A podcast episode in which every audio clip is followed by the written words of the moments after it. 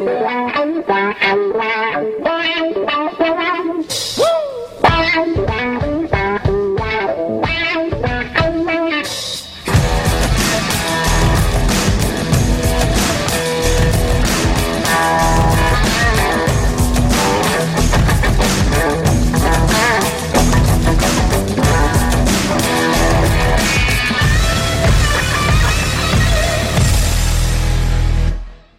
Welkom iedereen. Vandaag weer een, eh, nieuwe aflevering van, eh, van de Eindbazen. En eh, we hebben vandaag een, weer een atleet. En ik denk een, een hele bijzondere. Want als we kijken naar de atleten die we tot nu toe hebben gehad, daar was Karen Tofmachan één van. En dat is een typisch voorbeeld van een atleet waarbij alles in stijgende lijn is gegaan. En vandaag hebben we iemand die ja, ook een beetje de dalen heeft leren kennen afgelopen jaar. Dan heb ik het over MMA-vechter Stefan Streuven. Welkom. En uh, leuk dat je hier bent. Uh, ik denk dat voor een heleboel mensen die jou niet kennen, de kenners, die uh, hoef ik geen uitleg meer te geven. Voor de mensen die jou niet kennen, jij bent een van de weinige Nederlandse vechters die mixed martial arts doet bij de grootste organisatie in Amerika, de Ultimate Fighting Championships, oftewel de UFC. En daar gaan we het vandaag over hebben. En jij komt eigenlijk net terug van, een, ja, van je laatste. Mm ervaring bij de UFC. Uh, dat was je partij tegen Alistair Overeem. Nadat je een uh, behoorlijke tijd uh, ja, eruit hebt gelegen. daar gaan we het straks nog even wat verder over hebben. Maar ja, om even met de deur in huis te vallen. Ehm, ja, hoe is het je vergaan na je laatste partij? Na de laatste partij, ja, heel teleurgesteld natuurlijk. kan je iets meer in? oh, ja. Heel teleurgesteld natuurlijk na ja, wat er gebeurd is. Ik heb niks laten zien in die partij, dus ja, zo simpel is het. Um, gewoon lekker mijn rust gepakt, heel veel nagedacht. Uh, teleurstelling wordt eigenlijk telkens meer en meer. En ja, dat is alleen maar goed, want ik moet weer beginnen met trainen. Dus die uh, ja, teleurstelling ga ik gebruiken als motivatie uiteraard. Dus ja, het is... Uh, het hoort er helaas bij. Um, voor mij voelt het alsof de laatste twee partijen... en dan vooral de partij tegen Hunt... waar ik nog niet wist dat ik een, een hartekwaal had. Ja. En uh, onder mijn kunnen presteren. Vooral uh, later in de partij. Omdat mijn lichaam me gewoon niet meer kon bijbenen. En de laatste partij, ja. Ik wil geen excuses gebruiken, maar ik uh, vocht nog niet zoals je kan vechten. Het was niet 100% van Steven. Nee, nee. Uh, de partij die ik, uh, waar ik me het beste heb laten zien, dus de partij tegen Stipe Miocic, mm -hmm. dat is toch wel een beetje mijn niveau. En ik kan ja. nog veel meer als dat, dat, dat. Dat weet mijn team, dat weet ik. En dan is het heel teleurstellend als je twee verzorgen partijen vecht. Twee keer verliest. En, uh, ja. Maar goed, weet je, ik ben, ik ben 26. Ja. Ik heb alle tijd. En uh, Alice komt nog zeker aan de beurt. Dus. nou, om het even in perspectief te plaatsen voor de, voor, voor de luisteraars. Dat jij, je bent inderdaad op je, je, bent op je rondje 23, 21, nee, 23ste ben je in de UFC gekomen volgens mij. Ik uh, was 20 toen ik mijn contract tekenen bij de UFC. Oké, okay. ja. want ik weet dat Bob, jouw trainer, die heeft het een keertje eerder afgehouden. Volgens mij toen jij... Uh... Nou, um, ik um, had eigenlijk heel Europa verslagen op dat moment. Ja. Iedereen in, mijn, in, de, in zwaargewicht. Um, er waren nog wel partijen, maar ja goed, als je wat geld wil verdienen, zou je toch naar de grotere organisatie moeten gaan. De ja. partijen buiten de, de, grote organisaties om won ik allemaal vrij eenvoudig in de eerste ronde. Um, ja, dus dan, dan is het gewoon tijd voor een volgende, volgende stap, al ben je 20. Ja. Um, het enigste probleem wat wij op dat moment zagen met de UFC was dat ik exclusief voor hun zou, zou gaan vechten. En op dat moment vocht ik zo'n beetje, uh, soms wel tien keer per jaar buiten de UFC. En, nou, ja. Dat is gewoon, uh, het ging allemaal heel eenvoudig. Um, dus ik uh, kreeg een contract aangeboden van Dream, van Infliction en van de UFC. En nou, daar hebben we nog een tijdje over na moeten denken. En ja. toen uh, op een dag stond Bob zijn auto te wassen. En toen belde Dana Bob zelf op dat ze me toch wel heel graag wilden hebben. Ja. Dus dat, en tot nu toe, ja, de laatste tijd wat minder. Maar daar kan, ja, niemand kan daar natuurlijk ja, dat, dat, kan niemand je van tevoren vertellen dat je een hartaandoening hebt. Dat verwacht ook niemand. Vooral niet met alle testen die ik jaarlijks doe. En gewoon super fit ben en dan ja. Ja, want jij hebt een vergroot hart met een lekkende hartklep. Ik heb een uh, bicuspide aortaklep. Daar ben ik mee geboren. Oké. Dat, dat, dat, is een aandoening die ongeveer 2 op de 100 mensen hebben. Hmm. Um, ik heb een sporthart. En dat betekent dat, jou, uh, dat de linkerhartkamer onder andere wat groter is. Omdat het uh, je lichaam bij moet kunnen benen. Hmm. Dus dat is niks raars. Alleen dat komt ook echt door de, uh, zeg maar, de inspanning die jij zo af en toe van je lijf vraagt? Topsporter. Ja, topsporter. Topsport hard. Hm. En, um, maar in combinatie met die aortaklep, hm. die nog nooit uh, gevonden was... Um, wat, wat er gebeurde, die kamer wordt groter. En normaal gesproken groeit die aortaklep mee. Maar uh, mijn aortaklep kan je zien als een Mercedes-ster. Hm. Drie eh, blaadjes die onafhankelijk van elkaar bewegen. Bij mij zitten er twee in elkaar gegroeid. Oké. Eh, dus als die klep groter moet worden, ehm, gaat die op een bepaald stuk gaat die niet groter worden. Dus Hm. komt er een gaatje in die klep Ja. als die sluit. En dat gaatje wordt groter en groter, omdat mijn hart moest groeien voor mijn eh, sportprestaties. Ja. Ja. Die kamer werd nog groter, omdat er op een gegeven moment 40% lekkage was. Dus die hartkamer moet normaal gesproken met 100% dealen. Mhm. Die kreeg nu 140% terugslag. Oké. En daardoor Want zo'n lekkende hartklep zorgt ervoor dat bloed weer terugstroomt de Ja. kamer in, toch? en Ja. had ik maar 60% eh zuurstofrijk bloed bij iedere hartslag. Dus Oké. Ja. Dus eigenlijk eh, benut jij 60% van de zuurstof die je zou kunnen benutten door deze... Toen als we heel kort door de bocht gaan. toen ik nummer 5 van de wereld was, ja. Ja. En nu benut ik 90%. Alleen toen wist ik het niet. En nu weet ik het wel. En dat ja, heeft wel eventjes... eh, ja. Goed in het eten gegooid. Ja, Precies. snap ik. Ja. Maar goed, daar, gaan we nu, eh, daar zijn we nu keihard mee bezig. En dat, eh, Ja, want je kunt er wel concreet eh, een, iets, iets tegen formuleren om te doen. Je kunt hier gewoon rekening mee houden en je kunt hier omheen werken. Ehm, je kan je trainen aanpassen op bepaalde punten. Ehm, om het ehm, eh, voor je hart beter... ehm, zodat het voor je hart beter te doen is. Ehm, wat er bij mij gedaan is met medicatie hebben ze de bloeddruk verlaagd. Waardoor de druk op mijn hartkamer eh, dus een stuk minder groot is. Oké.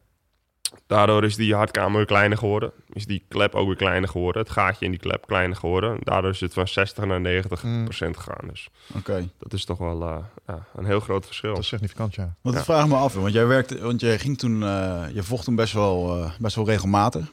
En ehm, op een gegeven moment toen, eh, toen werd dat geconstateerd. En zoals ik het heb gelezen in de media, is de UFC wel echt eh, heel, heeft ze heel erg hun best gedaan om jou te Mhm. helpen met specialisten. Ja. En ik denk, volgens mij kom je dan ook een beetje in het Amerikaanse systeem van, eh, van topsport. Weet Ja. je, en dan wordt er gewoon alles uit de kast gehaald om, je, eh, om hun beste spelers weer op het veld te krijgen. Ja, en ze zijn gewoon heel blij met mij ook. Weet je, ik ben ook nog maar 26. Ik heb Mm. ondertussen 14 partijen gevochten voor de UFC. Mocht dit niet gebeurd zijn, had ik al mm, rond de 20 of meer partijen gevochten voor ze. En Ja. ehm, ik heb nooit een saaie partij gevochten. De laatste partij heb ik niet gebracht wat ik kan brengen. Nee.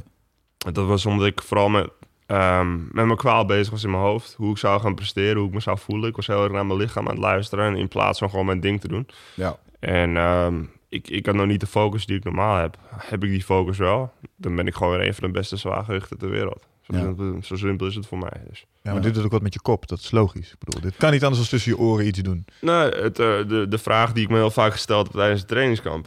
is dat ik een trainer zo goed presteren... En zo goed bleef presteren. Hoe lang de training ook was. Na anderhalf uur was ik nog niet moe. Alleen de enige vraag die me opkwam was... weet je, hoe ga ik presteren in de kooi? Want het verschil tussen vechten in de kooi en in, in, de, in de sportschool... is dat je een stuk sneller moe wordt Ja. tijdens je wedstrijd. En op zich, had het verschil niet zo heel groot uh, hoeven zijn is uh, tussen de sportschool en de, en de kooi. Alleen, ja, ik was toch heel erg naar mijn lichaam aan het luisteren. En er ging, ging een hoop door me heen. En daardoor had ik niet de focus die ik normaal wel moet hebben. En ik was al wel bezig met mijn ding. En um, ook het feit dat Alistair niet echt wilde engagen Ja. in die partij... was het gewoon voor mij, ja, leidde tot, ja, voor mij een zeer ongelukkige partij. Dus. Ja, ja, ja. Maar als je kijkt naar, want je hebt toen op een gegeven moment, je, kon, uh, je bent toen uh, met die hart, uh, hartconditie, hebben ze dat uh, geconstateerd. En toen ben je in de molen gegaan van, nou dan moet het allemaal goed komen. Je hebt ook nog een tijdje de stress gehad of dat het überhaupt ooit goed zou komen. Of dat je wel door die de eerste, heen mocht. Ja, de eerste berichten waren, je moet stoppen, je gaat nooit meer wat doen. Ja. Dit ga je nooit meer, hier ga je nooit meer van terugkomen. Dus denk er ook maar niet meer aan. Het enige wat jij moet denken is dat je gezond bent.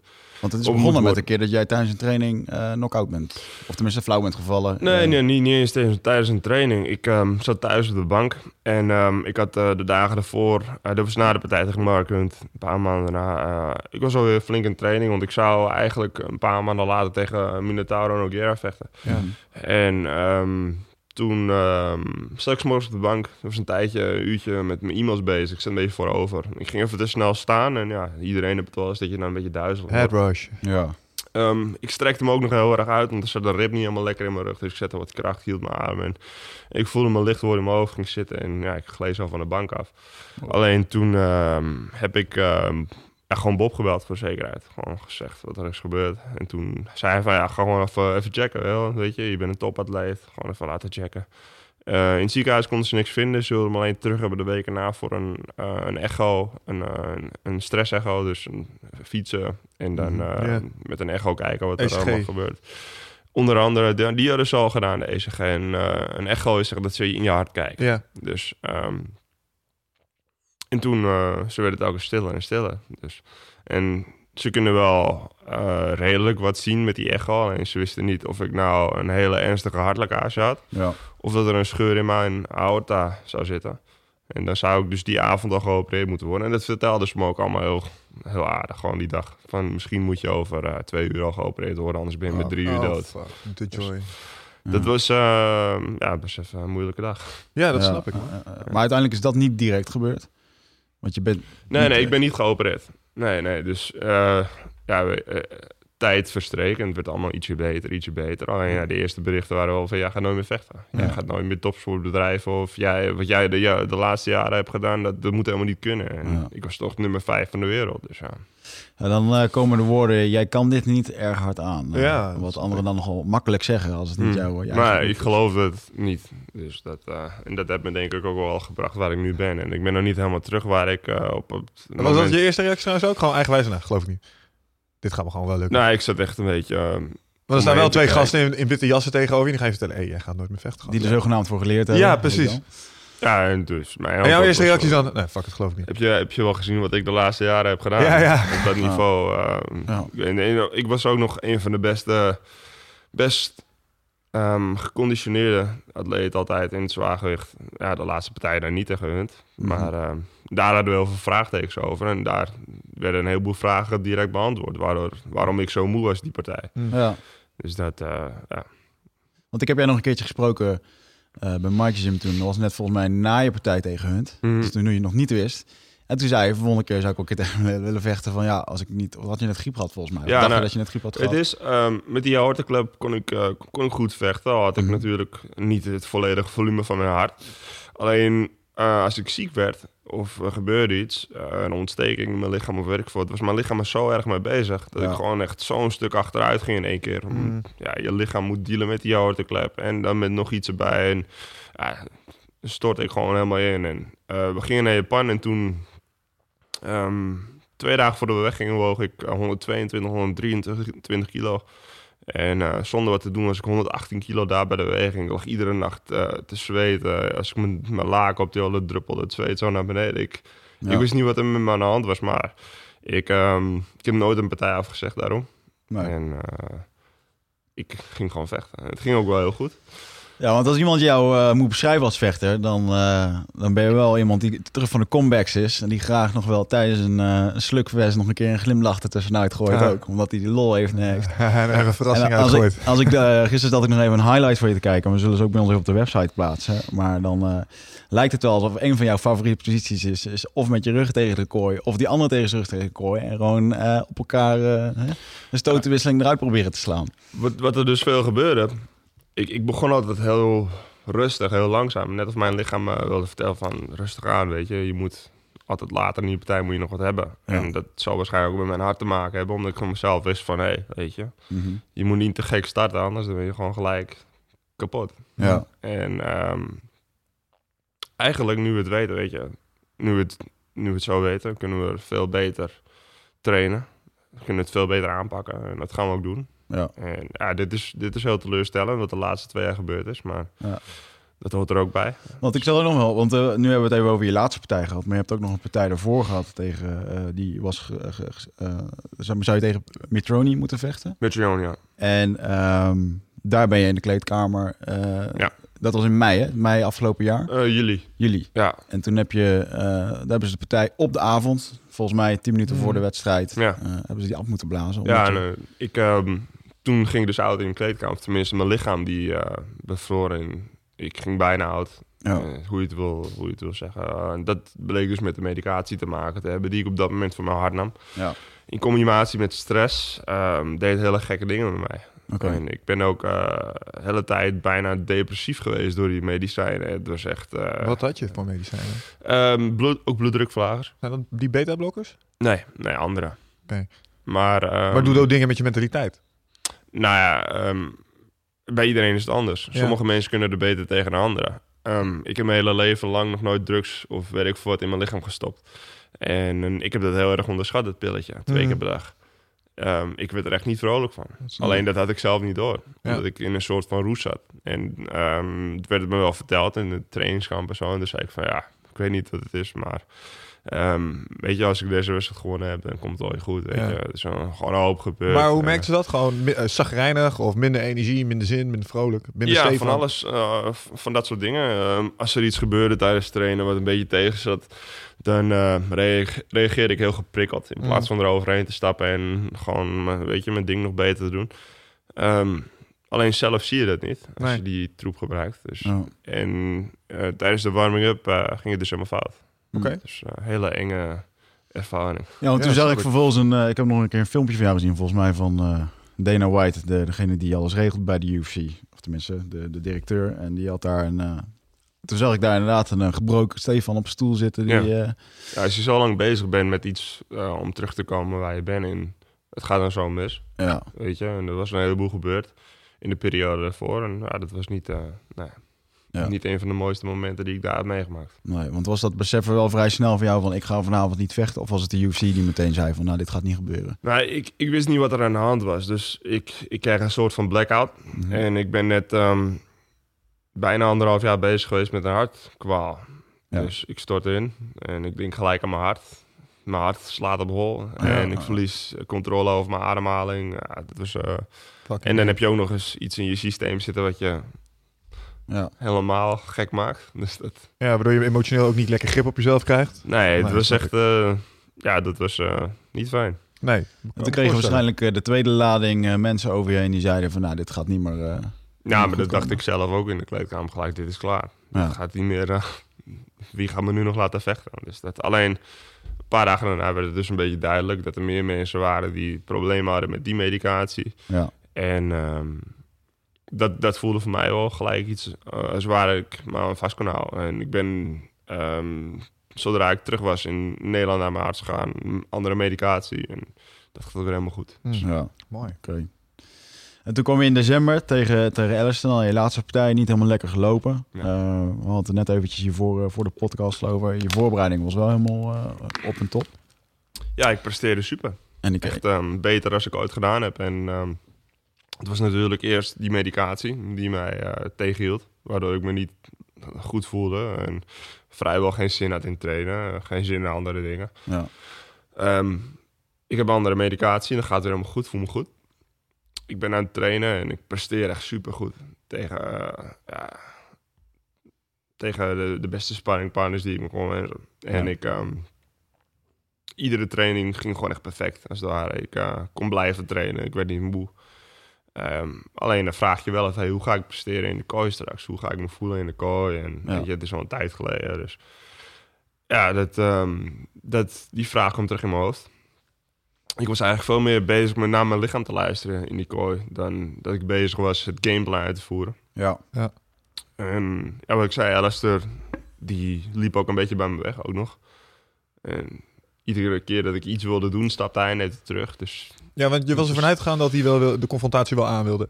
ik denk dat het voor mij ook beter was geweest, die partij. Weet je, hij heeft het heel goed gedaan, dus complimenten voor hem. Maar ik had verwacht dat hij wel staand erin zou klappen. Ja. Maar dat, eh, daar had hij geen zin in. Nee, dat snap ik. Zou dat ook heel verstandig voor hem zijn geweest? Gelet op je reach voordeel. Nou ja, hij heeft dus heel verstandig gevochten, want hij heeft gewonnen. Ja. En ehm, we zijn heel hard aan het werk geweest met mijn reach. En dat heb Mm. ik in het verleden niet altijd benut. Alleen dat, dat, dat gaat nu heel goed. Ja, dat is misschien wel grappig om even nog te vermelden. Want eh, wij weten natuurlijk, eh, jouw nickname is de Hightower. En die heb je ook niet zomaar gekregen, Ja. zullen we zeggen. Want, eh, Skyscraper. Skyscraper Hightower, dat is van... Die is van Sam. Ja, dat is van Sam, ja. inderdaad. Ja. Nou, ja, ook Nederlander. Maar ehm, jij bent een, een behoorlijk lange vent. eh in dat opzicht. Want jij bent 2 meter, 212. 212. Ja. En jij weegt?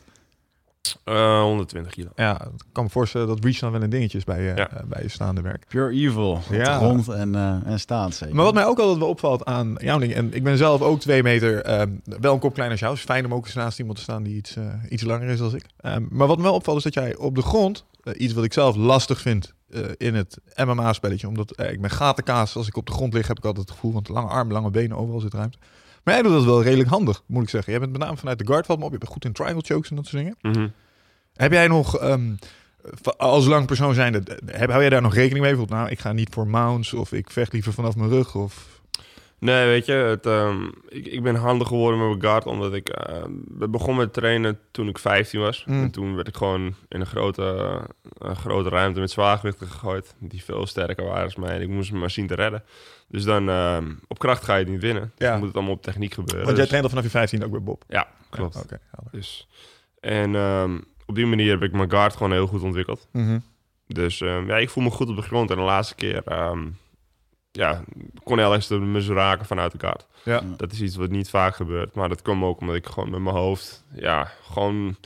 Dingen die normaal op automatische piloot gaan... die gingen nu niet op automatische piloot. Ja. En ik, ik was echt gewoon veel te veel bezig met ehm, dingen waar je normaal niet eens aan denkt. Mm. Het enige waar je normaal aan denkt is die wedstrijd. En nu waren er gewoon een heleboel factoren... Waar, nou ja, waardoor ik gewoon niet met mijn hoofd was waar ik moest zijn. Ja. Dus Ja, je zit in jouw divisie ook niet meer in, een, eh, en zeker in jou, hoe lang je er al zit, eh, niet meer in de categorie waar je opwarmertjes krijgt.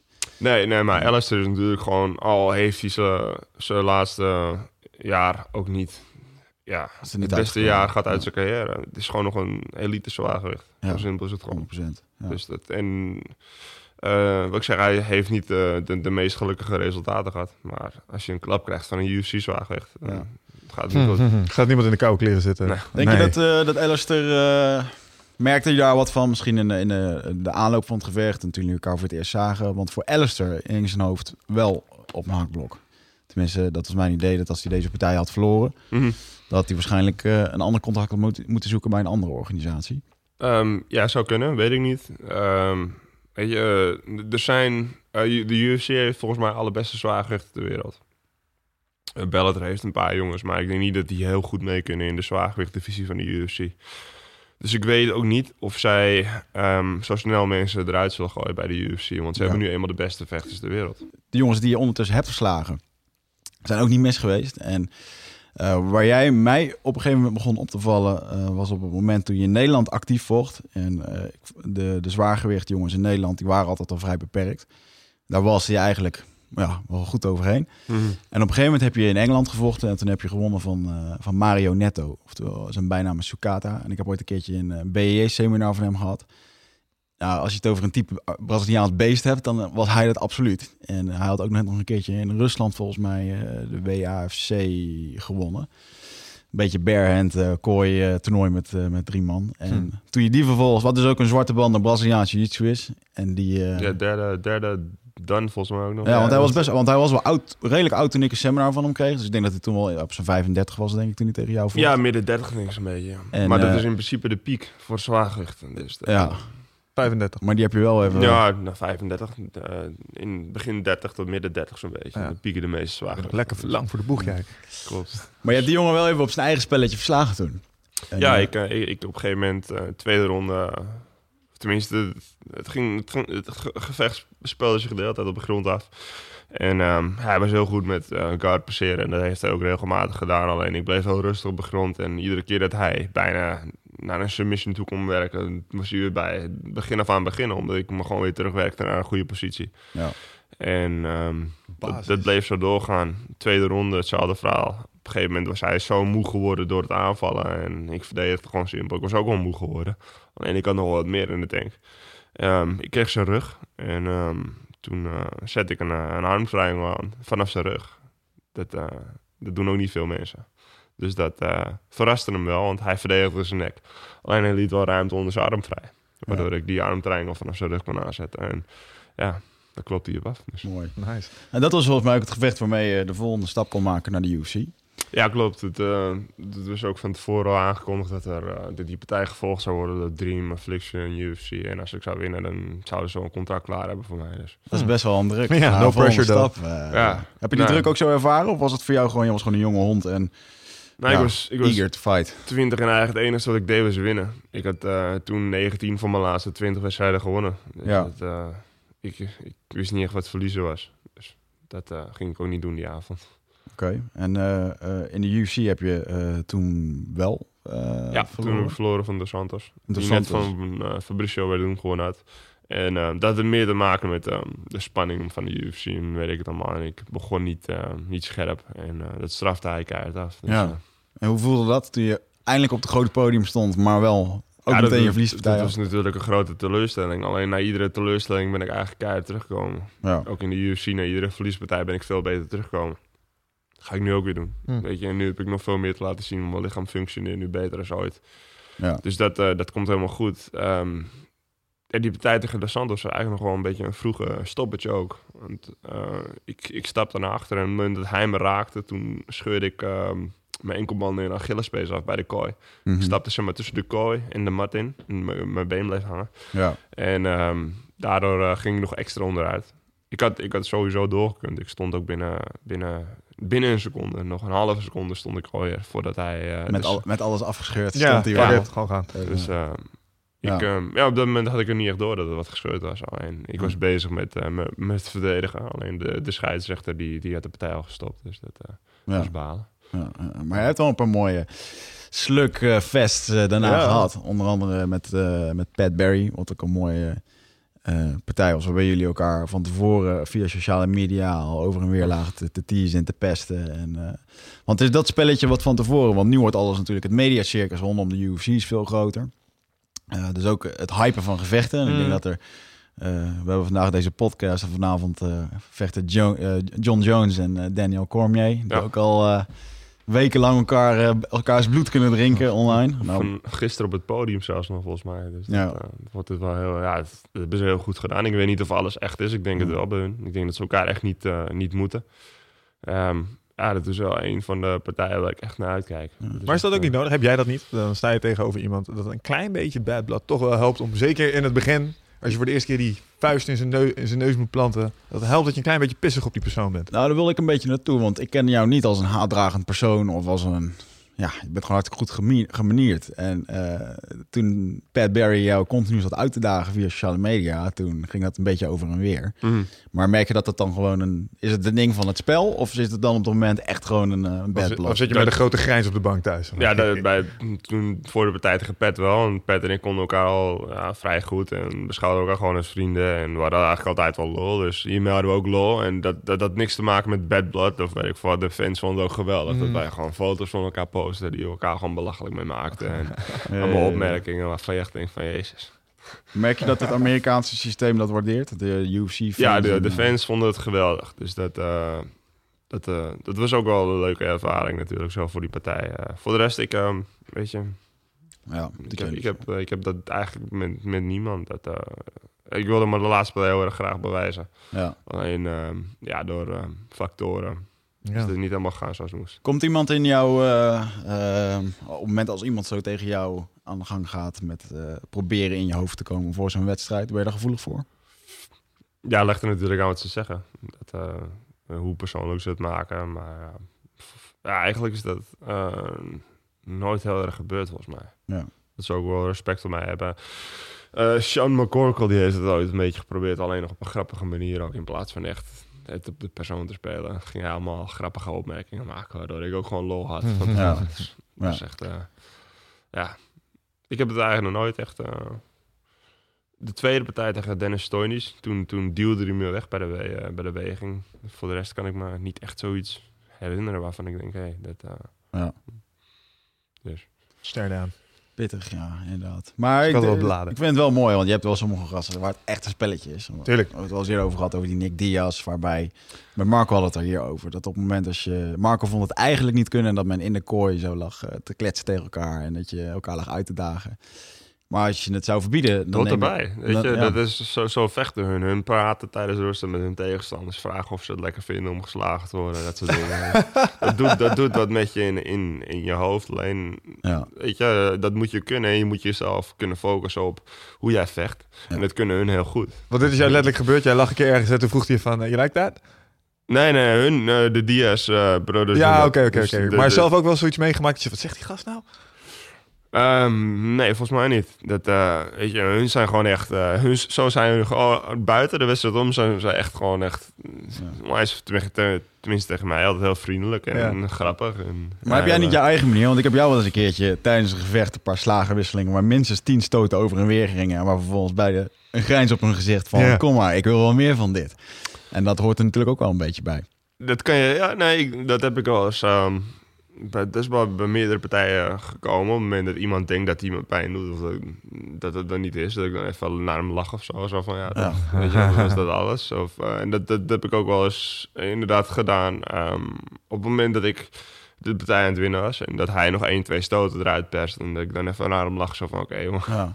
is nice. Ja, En, heb je, en dan vraag ik me altijd af van, wordt zoiets ook ehm, gevoed door de fans? Want op het moment als je zoiets doet, dan krijg je een reactie van het publiek. En ik kan me voorstellen dat dat ook in een split second gewoon een euforie kan opwekken, weet je. Dat je gewoon meer motivatie krijgt en... Dat, dat, dat weet je, het gaat er allemaal om het goede gevoel in je hoofd te krijgen. Dus dat, Ja. En het moment dat ik naar hem lach en laat zien dat het mij niks doet, en ik zie hem naar de grond kijken nadat hij mij geraakt heeft, dan weet ik hoe laat het is. Ja. Dan weet ik dat hij klaar is om eh, zelf naar de grond te gaan. Dus dat, eh, Mooi. Dat hij er Ja. geen zin meer in heeft. Nee. Ja. dat is al een paar keer gebeurd hoor. Bijvoorbeeld eh, die partij tegen uh, Miocic. Toen eh, heb ik hem al een paar keer geraakt. En die man heeft echt een kop van beton. Ja. Ik heb hem echt eh, meerdere keren geraakt voordat ik hem er eindelijk uitsloeg. Dat, dat ik zijn ogen zag tollen, maar hij bleef staan. En eh, op een gegeven moment raakte hij mij nog één of twee keer goed. En eh, ja, lachte ik hem gewoon uit als het ware. Zo van een big smile geven. En toen, toen zag ik hem wel mentaal breken. Gelijk naar de grond kijken. Zo van... Fuck. Ja. Wat moet ik hiermee? Ja, maar dat is volgens mij ook wel een ding. Want ik wil niet zeggen dat sparren op de sportschool ook maar te vergelijken is met wat jij meemaakt op het moment dat je zo'n kooi staat. Maar daar Mm. maak je ook wel eens momentjes mee dat als je een goede plaatst en je ziet de tegenstander er last van hebben, dan denk je yes.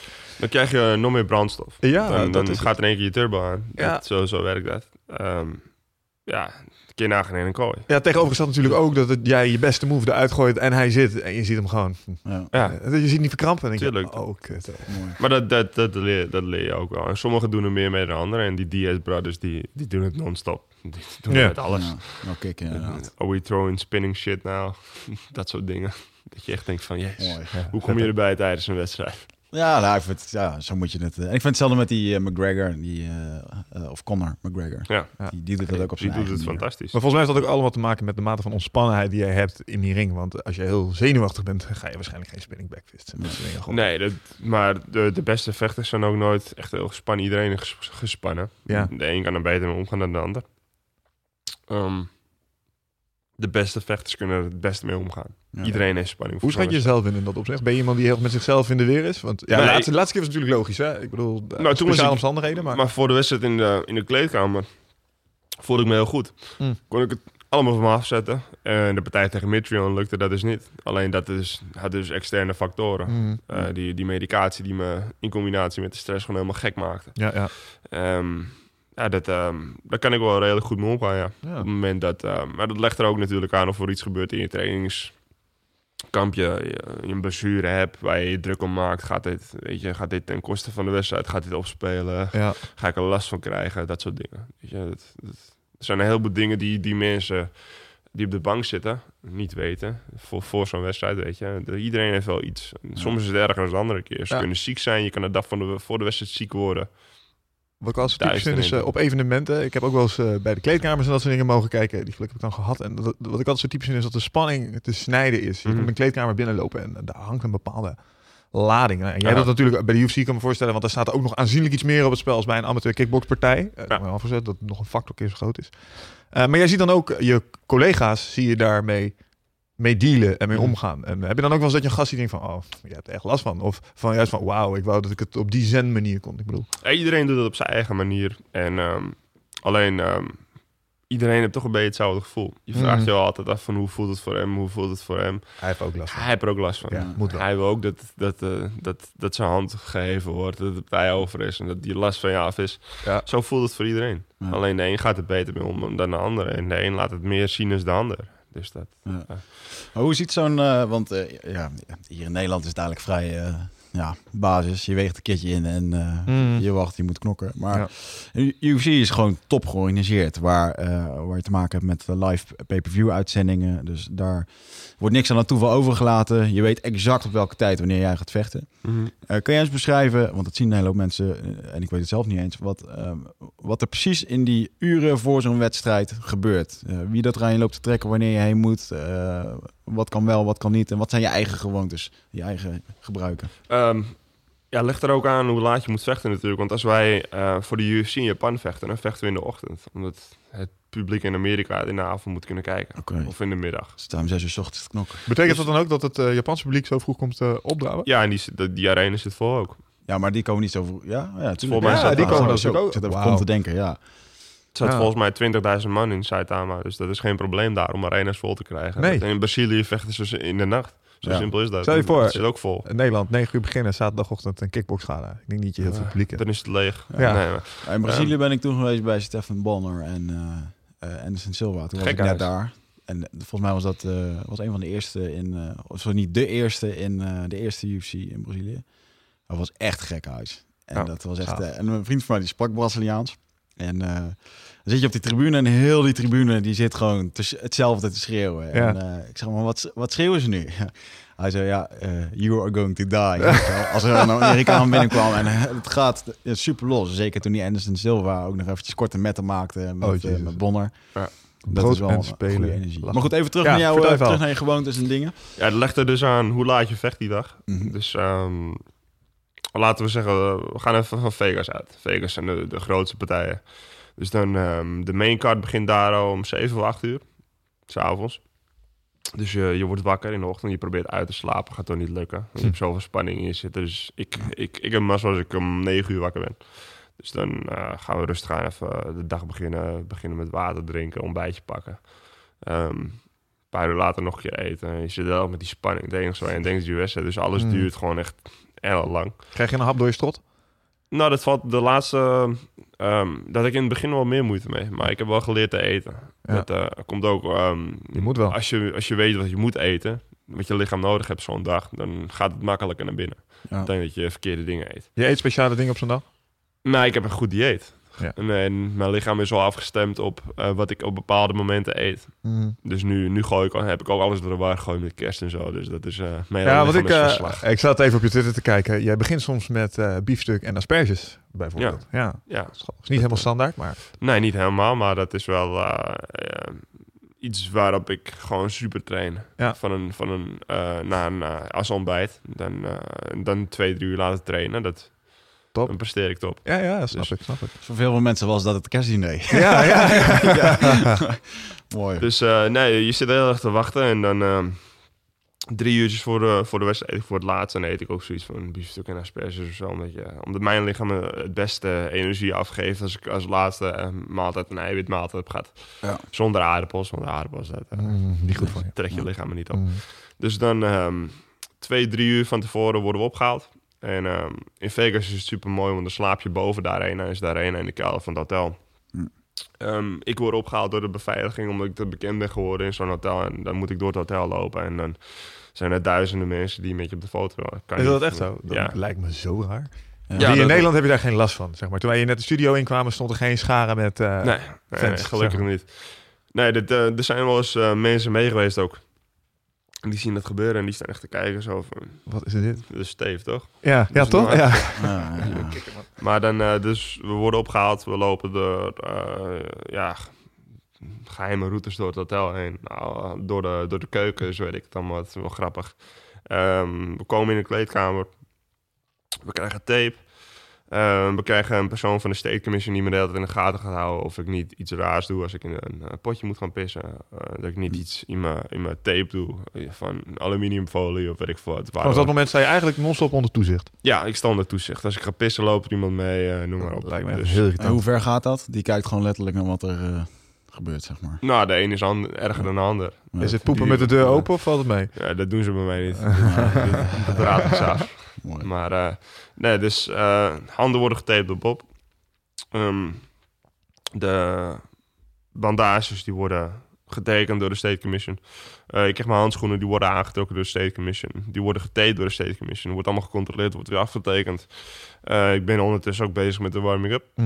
Ehm, ja, vlak voordat we moeten lopen, stop de warming-up. Eh, het wordt je ook verteld. Eh, de, de wedstrijd voor je is bezig en je hoort altijd 5 minutes, 3 minutes. De, dat, Burt Watson is degene die altijd alles regelt voor de UFC achter de schermen. Oké. En eh, die man is echt geweldig. Die is echt, echt super. Ja, Die stelt je op je gemak. Dat is de, Eh, de man die je altijd eh Wordt schreeuwend schreeuwen. met mooie anekdotes en quotes. Het is een, eh, een donkere kerel, oude kerel, echt uit een film, oude box. Het zou een oude bokstrainer Oh, kunnen ik heb deze dude wel eens gezien. Hij is ja, ja, ja. een eh, oud manager. Oké, van, nou, Topboxers. Die, die heeft alles meegemaakt. Ehm, ik kan even niet op de naam komen. Maar hij heeft eh, een van de grootste boxers aller tijden. Heb je een hele tijd gemanaged. Hm.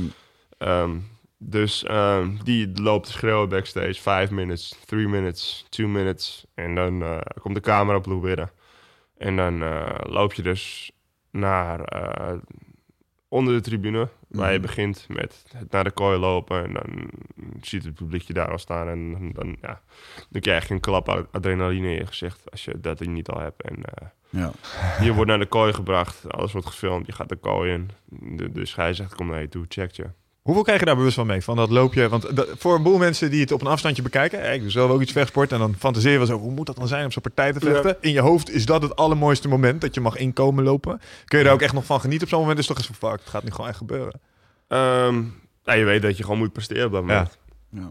Dus ehm, het is mooi. Want er zijn niet heel veel mensen die dat ehm, mogen doen, kunnen doen. Alleen het is niet zo mooi als mensen thuis denken en het voorstellen als ze van de keuken naar de, naar de ja. lopen en het Met een hand in de lucht. Ja, ja. Maar eh, nee, er is een hoop spanning natuurlijk. Dus dat, ehm, Ja. de Ja. energie van het publiek krijg je wel mee. Alleen ja, je, je weet dat je moet knokken. Ja. Dus dat, eh, Mm. je, je staat in de kooi, de, de, de scheids checkt je. Ehm, de mensen van de cameraploegen lopen de kooi uit, de deur gaat dicht. Je hoort het slot op slot gaan. Je hoort ook letterlijk gewoon klik. Je hoort klik. Oh, De scheidsrechter vraagt of je klaar bent. Tegenstander, klaar. Ja. En dan ga je. Oké. Dus Hey, en als je de, ehm, want dat is ook wel ja, natuurlijk de wedstrijd, daar kunnen we eindeloos over praten. Mm. En dan volgens, volgens is die wedstrijd afgelopen. Want daarna zit ook nog wel een hele hoop. Eh, ik bedoel, eh, je komt terug in zo'n. eh, eh, je komt terug uit die wedstrijd, je hebt gewonnen of verloren. Nou, als je hebt gewonnen, dan is het natuurlijk één, eh, één groot feest. Eh, Mhm. Maar ik vind het altijd wel heel typerend dat op het moment dat je dan terugkomt, ja, dan is het alsof je een goede en een slechte film eh, ziet afspelen. Want je ziet sommige mensen, eh, die zitten met z'n vijf langs elkaar, eh, handen op hun gezicht en die zeggen helemaal niks. Ja. En je hebt ook de euforie die daar die bij komt. Ja. Kan je eens wel beschrijven wat van je ervaringen zoals je terugkomt en hoe dat dan gaat? Ik bedoel, vechten zonder elkaar, andere teams, hoe dat met elkaar gaat. En, ja. Ja, nee, de, zoals de laatste wedstrijd heb ik ook nog met Alice aan praten. Backstage, weet je. We zijn allebei Nederlanders natuurlijk, dus dat... eh, Dat ik, ik heb niks tegen hem, maar elkaar op. ik, ja. ik, wil, ik wil heel graag nog eventjes rechtzetten met wat er de laatste partij gebeurd is. Dat, eh, Ja. dat was niet hoe ik kan presteren. Dat is niet hoe ik hoor te presteren. Dus eh, zoals ik zei, hij komt nog wel aan de beurt. Hmm. Hm. Maar ehm, het is altijd anders, weet je. En natuurlijk, ja, je bent teleurgesteld als je, als je verloren hebt. Je kan ook nog een blessure hebben. Of eh, ik heb een keer kaak gebroken tegen Margaret. Moet je naar het ziekenhuis in Japan. Ook een leuke ervaring. Maar, Ehm, er kan van alles en nog wat aan de hand zijn. Natuurlijk, als je partij gewonnen hebt, is het allemaal goed. Dan eh, ben je A, de spanning kwijt. Dat is al heerlijk. En B, je hebt gewonnen. Dus je krijgt een, eh, een, een dikke, een dikke check. En misschien Ja. nog wel een extra check als je een bonus hebt gepakt. Dat heb je hebt een keer de. KO-bonus van, de- van de avond gehad. Ja, nee, ik heb, ik heb al vijf eh prestatiebonussen gehad. En Kijk, man. dat, eh, maar dat, dat is... Dat zijn de bonussen die je die avond sowieso kan pakken. En, en als je goed presteert, dan Mm. betalen ze je sowieso nog wel extra. Dan laten ze je zien dat, dat ze dat waarderen, dat je zo gevochten hebt. Dus Ja. dat, dat zit sowieso goed.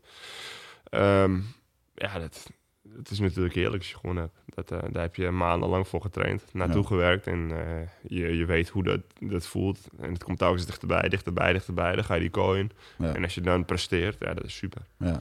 En die euforie, want dan vervolgens dan heb je alle ontlading gehad, je hebt veel getraind en dan kom je terug in het, in het Nederland. Ja. Ik weet nog wel een keertje een quote van Sam Schild, die had elkaar einde gewonnen. Wat, heb, wat is het eerste die thuis kwam? Ja, toen heb ik de trein gepakt, terug naar huis. Ja. Niemand die me aansprak, niemand die hem lastig viel. weet. Niemand weet iets van. Wat heeft die gozer voor grote rare beker bij zich, weet je wel? Hoe ervaar je dat thuiskomen? Dat eh, als je daar uit het mediacircus en alle, alle gekte Ik komt? vind dat het wel lekker rustig. Dat, eh, sowieso om gewoon weer lekker mijn mijn ding hier te kunnen doen. Dan, zonder eh, die, eh, die stress van buitenaf, zeg maar. Alleen ik merk wel dat het de laatste, vooral de laatste paar keer, telkens populairder en populairder hier wordt. Mhm. En eh, ze zijn ook aan het kijken om eh, naar het Ziggo Dome te komen, UFC. Dus Ja. dat weet je. Dan, zou het helemaal een grote, grote boost kunnen krijgen. Ja. Ja, ja ik... ehm, Vind je het leuk, de bekendheid? Lijkt me echt zoiets. eh, je droomt ervan en dan heb je het. En dan kom je dingen tegen waarvan je denkt: oh, dit, ja, dit hoort er ook bij. Ja, nou, weet je, ik, ik, ehm, ik geef er niet veel om. Het maakt mij niet veel uit. Weet je, het, eh, ik vind het niet, niet erg als mensen op, met me op de foto willen. Zoals, ehm, Nu nog niet. nee, ik, ik, Vijf jaar ik doe verder. gewoon mijn- mijn ding, weet je. Dus dat, eh, en dat, dat is natuurlijk ook omdat ik hier in Nederland woon. Ja. En het gewoon lekker rustig is. En als Ja. ik dan in Amerika ben, dan willen heel veel mensen dat. Alleen eh, de laatste paar keer gebeurt er in Nederland ook al meer en meer. Dat Ja. mensen om een foto vragen of naar je toe komen. Grappig, man. Ja. En de laatste keer was ik niet heel blij mee. Nee, maar nee. dat, eh, Nee, daar heb je daar ook geen zin in, stel ik me zo voor. Nee, maar dat, weet je, in, je merkt ook al gelijk dat ehm, de mensen die echt fan zijn, het niet heel veel uitmaakt of je wint of verliest. Ze balen als je verliest. Ja. Maar ze zijn fan van jou, wat je hebt laten zien. Maar dat moet toch wel weer goed voelen, stel ik me Dat voelt voor. goed. Ja. Dat voelt heel goed. Dat is leuk. Ja. Dat, dat waardeer ik, ja. Maar ze zeuren nog wel eens over Nederlandse fans dat je hier zo goed bent als je laatste partij natuurlijk. Maar als ik je dit zo hoor zeggen, valt dat eigenlijk ook nog wel mee. Maar, maar dat, dat is natuurlijk hoe, wat voor fan het is. Ja. Dat is. Iedereen is anders. Dus dat het is maar ook met, net hoeveel je aantrekt van fans of van forums. Of, ja, als, Ja. Ik, als ik iets Ja. tegen... vroeger had ik me er veel meer van aangetrokken als nu. Weet je, als ik een, op een forum, als, als mixed fight iets, iets lees van... Ja, wat een koekenbakker. Die, Eigenaar van, oprichter van de Mixfight, hè? Niet meer Ja, vroeger Wat een, wat, dingen mee gedaan. je, wat een koekenbakker die lang gebruikt zijn reach niet. Of weet ik wat. En- Ja. Maar wat doet dat met je? Want wat daar wordt geschreven, en ook online of in je, ik toevallig of in je Facebook comments te kijken. Ja, dan heb ik wel eens het idee van, hebben die mensen überhaupt wel eens een besef wat ze daar Het zou, ja? Ja, maar dat is, En- dat is toch precies wat je zegt. Hebben die mensen überhaupt het besef waarmee ik bezig ben op het niveau? Weet je? Ja. Wie, is, wie, wie zijn er nou de experts? Mijn trainers? Of de Ik- mensen die op een forum Ja, zitten en true. denken alles te weten? Weet Oh, je, als, als Nederland voetbalt op een WK hebben we 16.000 bo- 16 miljoen bondscoaches. Ja, nee. allemaal- dat is inderdaad Ja, zo. Oh, die bal links moeten trappen. Ja, denk je echt dat die speler van 16 miljoen niet weet dat hij die bal naar links moet Had ik vast trappen? wel in de gaten, ja. Was En- gewoon even niet zo op dat moment. Maar het heeft wel, je weet je, je kan het ook niet iedereen kwalijk nemen. Want heel veel mensen die, eh sommigen die kijken alleen maar de UFC en die, die denken er dan wat van af te weten. Ja. Mm. Sommigen zitten er wat verder in. En op zo'n forum lees je hele goede comments, hele slechte comments. Comments van maar daarom, 12-jarigen, weet je, comments de- van de- 35 Je jaar. weet ook niet wat voor persoon erachter zit. Dus Ja. dat is maar, maar net hoe, je, hoe, hoe, hoe druk je erop maakt. Weet je, ik pik altijd het positieve eruit. Ja. En ehm, dat vind ik altijd top. Lees je het wel? Ben je altijd een beetje op zoek naar, of kijk je Nee, naar? als ik er toevallig eh, weet je, op stuit en ehm, toevallig eh, weet je, iets zie of hoor en dat mensen het naar me toe sturen of zo, dan denk ik van ah, leuk, weet je, mensen waarderen het. Eh, Facebook run ik zelf, Twitter run ik zelf, dus dan kom ik op heel veel comments natuurlijk. Ik heb Ja, daar natuurlijk. Ja. 60.000 mensen die me volgen op Twitter, dus dan krijg je nog wat berichtjes. Nou, Dat eh, lijkt dus graag, hoor. dat, eh, ja, weet je, de, de positieve dingen pi- pik ik eruit. Als iemand vervelend is op Twitter, blokkeer hem. Dus eh, dat is heel Ja. handig. Ja, absoluut. Hey, ik wil even terug in de tijd met je, want, eh, want eigenlijk toen op het moment dat jij bent eh, gaan schijnen op het podium, eh, heeft jouw eh, trainer een, een stapje terug gedaan. Je trainer is Bob Schrijver. Yep. Die uit de MMA-branche in Nederland redelijk bekend stond als ja, toch wel de, heel lang aan de top gestaan. Zo niet gewoon de top geweest in zwaargewicht. En, Bob, terrible schrijver. bekend stond om zijn volhardendheid en niet willen opgeven. En ja, die heeft toch een paar buffelpartijen neergezet. Ja, met, En- beperkte, met beperkte middelen. Want hij heeft nooit iemand gehad die echt met zijn worstel of met zijn grondwerk echt heel erg geholpen heeft. Dus hij heeft wel heel veel zelfleer gedaan. Mensen hadden altijd commentaar op zijn grondwerk. En dat was ook wel grappig toen ik van die eh marionetto won.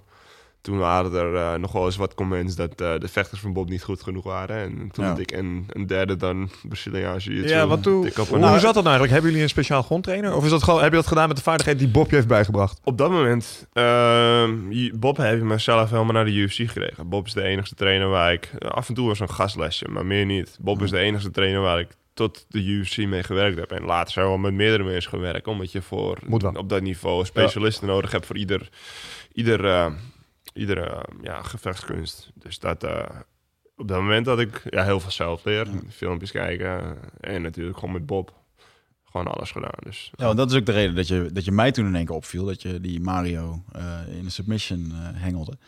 En dat ik toen dacht van, wauw, dit is wel echt gewoon goed. En zeker ook omdat de Nederlandse zwaargewichten over het algemeen op dat moment waren ook niet vaak grondvechters. Nee. Ehm, dus op een gegeven moment krijg je dan een beetje de vraag van, ja, maar hoe gaat hij het doen op het grote podium? Ja. Maar goed, maar ik vind denk wel dat Bob uiteindelijk, eh, als je kijkt naar de jongens van Bob, en eh, ik, ik herken dat toen ik zelf mijn eh MMA-galas organiseerde, en Bob daar vaak wel te gast was met zijn jongens. Staan de gasten. er werd altijd geknokt en er werd niet opgegeven. En niet iedereen was even technisch of even goed, maar qua conditie en qua, ehm, eh, qua volhardendheid vond ik dat Bob zijn leerlingen altijd goed. Ja. daarin. Is dat iets wat hij bij je kweekt? Of heeft dat te maken met de- alleen de mensen in de gym blijven over die die cultuur trekken? Ja, tuurlijk. De, de, dat merk je heel erg. Dat, eh dat trekt ehm, bepaalde mensen wel, bepaalde mensen niet. Ja. Weet je, als je het niet leuk vindt hoe het bij onze sportschool gaat, ja, dan... Want dat is wel echt een ding bij jullie. Dat, dat, dat, dat Nee, volharden, maar- dat harde wat erin zit bij Bob. Het is wel de, de manier van trainen. De, de, de mentaliteit van Bob en Irma ook natuurlijk. Die ook gewoon schreeuwt eigenlijk precies hetzelfde is. Ja. Ehm, meer met de, de, de dames werkt op een sportschool. Maar Mm. ehm, ja, dat, dat, dat zit er wel in inderdaad. En eh, als mensen het niet leuk vinden bij ons, dan, ja, maar dat heb je altijd. Dat heb je Tuurlijk. overal. Iedere Ja. sportschool. Ehm, Bob heeft altijd ehm, in Nederland, als ik het mag zeggen, wat topvechters gehad. Ja. En dan af en toe dan komt er in Nederland iemand gewoon met meer talent.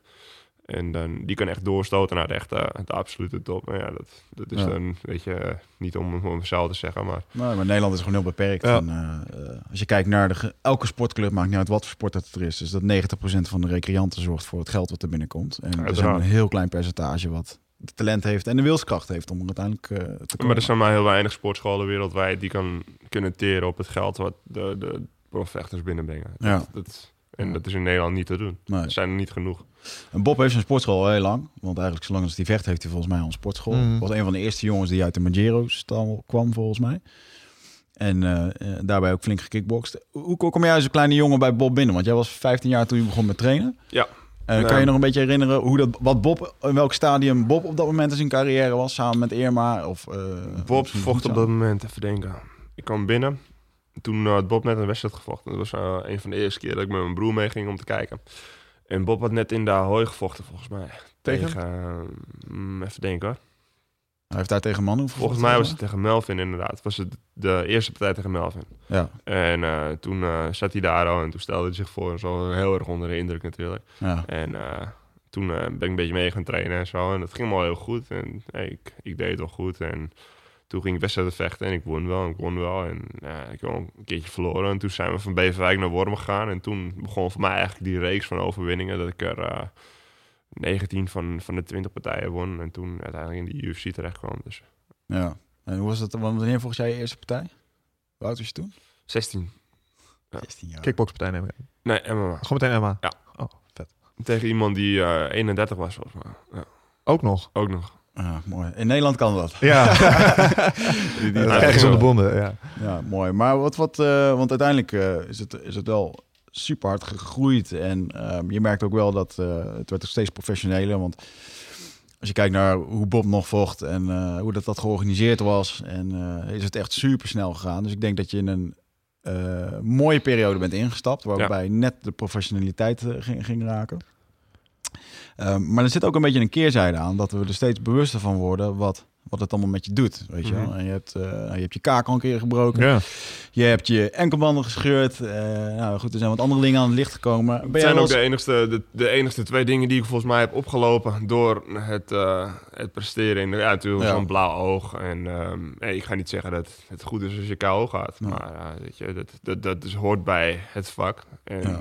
als jullie mij zo zien zitten, dan denk ik niet dat jullie iemand met een hersenbeschadiging zien zitten. Of Nee, weet ik nee, veel. nee, En natuurlijk, ja, na een tijdje, als een vechter het zelf niet ziet, zou je hem tegen zichzelf in bescherming moeten nemen. Misschien Ja. soms, maar weet je, dat, eh, ik, ik heb echt, eh, de enige reden dat mijn kaak brak, Mhm. was omdat mijn, eh, mijn hart bijna explodeerde. omdat er iets, iets mis met mij was. Mhm. En dat, dat is nooit gevonden. Ja. Anders, anders had het nooit gebeurd. Ik, ik stond daar ja, Mhm. te, te hijgen als... is apart. Nou, ik ben, ik ben wel bewust van dat in de, zelfs in, de, in een wedstrijd gebeurt vaak, van, er komen vaak niet mensen met blessures uit. Het gebeurt veel vaker in training Hm. of door stomme trainingsongelukjes. Ehm, maar ik kan me wel voorstellen dat op het moment, je bent nu 26, je hebt nu bijna, eh, of had alles goed gegaan, had je 20 keer voor de UFC kunnen vechten.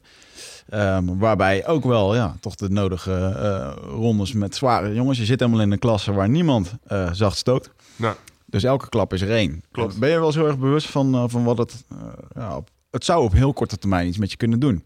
het zou iets met je kunnen doen, maar een schilder kan ook van het dak vallen. Ja. Dat, Ja, dat eh, wel je- waar. dat, dat Ja. hoort erbij. En in principe, ehm, zoals de, de vier partijen voor de partij tegen hun, die ik allemaal won. Toen had ik amper een schrammetje op mijn gezicht. En ik kreeg een tikkie, maar dat, dat was niet meer als je hoofd stoten tegen een deur, als het Ja. ware. Zo, Maar op de juiste plek. Ja, en in dat opzicht is het MMA natuurlijk ook weer anders dan het boksen. Waarbij de focus natuurlijk helemaal op het gelaat en het lichaam ligt. En hier Tuurlijk, kun je en- nog benen erbij en dat soort dingen. kickboksen met een acht, eh, acht tellen principe. Ehm, als wij een acht tellen principe hadden gehad, dan denk ik dat ik van vier van de vijf partijen die ik verloren heb, had kunnen herstellen van hetgeen, zoals de laatste partij had ik kunnen Ja. herstellen van de, de, de ene stoot die, waar Alice Ja. me mee aansloeg. Alleen bij MMA ga je gelijk door, waardoor een partij beëindigd Ja, wordt. hij mag En- volgen. Precies. Maar ik denk dat dat risico waar jij het over hebt, hè, klappen vangen, dat zit hem nog niet eens zozeer. eh, de wedstrijden zijn absoluut momenten waarbij je natuurlijk schade kan oplopen. Maar misschien zit het hem nog wel veel meer in het sparren. Tuurlijk. Want eh, je had het, eh, voor we begonnen, had je erover, ah, lekker gespart deze keer. En Ja. je probeerde ook goede sparringspartners te vinden. Mhm. Ik ben niet eens een wedstrijdvechter. En ik weet nog wel eens dat het in de gym er ook nog wel eens op kan gaan, zullen we zeggen. Dus je zult ook wel eens gym wars eh, een soort van. Of ga je daar wel heel eh, bewust mee om van, nou, Weet je, ik verdien mijn geld in de kooi. Dus het heeft voor mij geen zin Geen om als een debiel tekeer te gaan. En natuurlijk, die prikkel moet je in je training eh, af en toe krijgen. Alleen dat hoeft niet iedere week, twee of drie keer. Als Ja. je één keer in de twee, drie weken een echt, echt een harde spartraining hebt. Van om met drie- die druk om drie- te leren gaan. Drie keer vijf minuten of vijf keer vijf minuten. Om, om te leren omgaan. Dat er iemand achter je aan zit die echt je kop eraf wil slaan. Ja. Dat is eigenlijk het enigste. Je hoeft niet eens geraakt te worden. Ja. Weet je, natuurlijk. Voor een beginnende vechter moet je een beetje weten hoe dat is. Want die Ja. kan je niet zo een kooi in of een ring in gooien zonder te laten weten van hé, diegene gaat je echt aanvallen. Dat is nogal Het geen overweldigend. Ja, precies. Tuurlijk hoort erbij, maar je hebt ook sportscholen die gewoon niet inzien dat het helemaal niet goed is wat hun vechters doen. En ze gewoon elkaar iedere, iedere training bijna neerstaan. Dan zeggen ze, dat is goed. Alleen op den duur gaat die vechter geen lange carrière hebben. Nee, dat is roofbouw. ik verdien mijn geld niet in de sportschool. Ik verdien mijn geld in de kooi. Ja. Dus ik ga niet als een gek lopen trainen. Want Ja, maar dan hebben we het hier alleen nog over het hoofd natuurlijk. En het hoofd, eh, natuurlijk eh, hersenschade, dat soort dingen. Maar eh, ik vraag me ook wel eens af. Ik bedoel, ik ben ook wel eens eh, bont en blauw gelowkicked. Ik zag op jouw Twitter zag ik een foto van je knie. Ja. Helemaal blauw. Het zal ook van de low kick zijn geweest, denk ik. Ja, dat was ehm, van de laatste keer. Toen was het knie op knie. Dus Oh. dat, is een, dat is een hele vervelende. Dus Ja, gewoon, gebeurt ja, niet elke keer, maar die gebeurt niet. Maar hij werd wel mooi blauw. Dus dat, eh, ik, eh, ik zal eventjes een mooie foto laten zien van mijn hand van mijn laatste trainingskamp. Die was heel mooi zwart. Maar die heb je niet, eh, die heb je Vier- niet, nou, uiteraard niet publiekelijk gegooid. Nee, vier weken voor de wedstrijd scheurde ik de Dat was je laatste partij tegen Alistair. ja, spier in mijn- de massa bij mijn duim af. Ai. En eh, dat was niet fijn. Hoe gebeurt zoiets? Eh, ik was aan het worstelen. En eh, Duim bleef ik haken. probeerde, probeerde af te zetten. En eh, eens voor de camera als je wil. Weet je of dat werkt? Dat is echt heel blauw namelijk. Wow. ik steek wel mijn duim op. Shit, inderdaad, man. Ja. Kijk, dat, dat soort dingen, dat, dat gebeurt wel. Alleen als je dan ook als een gek ermee gaat doortrainen, ja, Ja. dan, ben je niet slim bezig. Want ik verdien nogmaals mijn geld niet daar, maar in de kooi.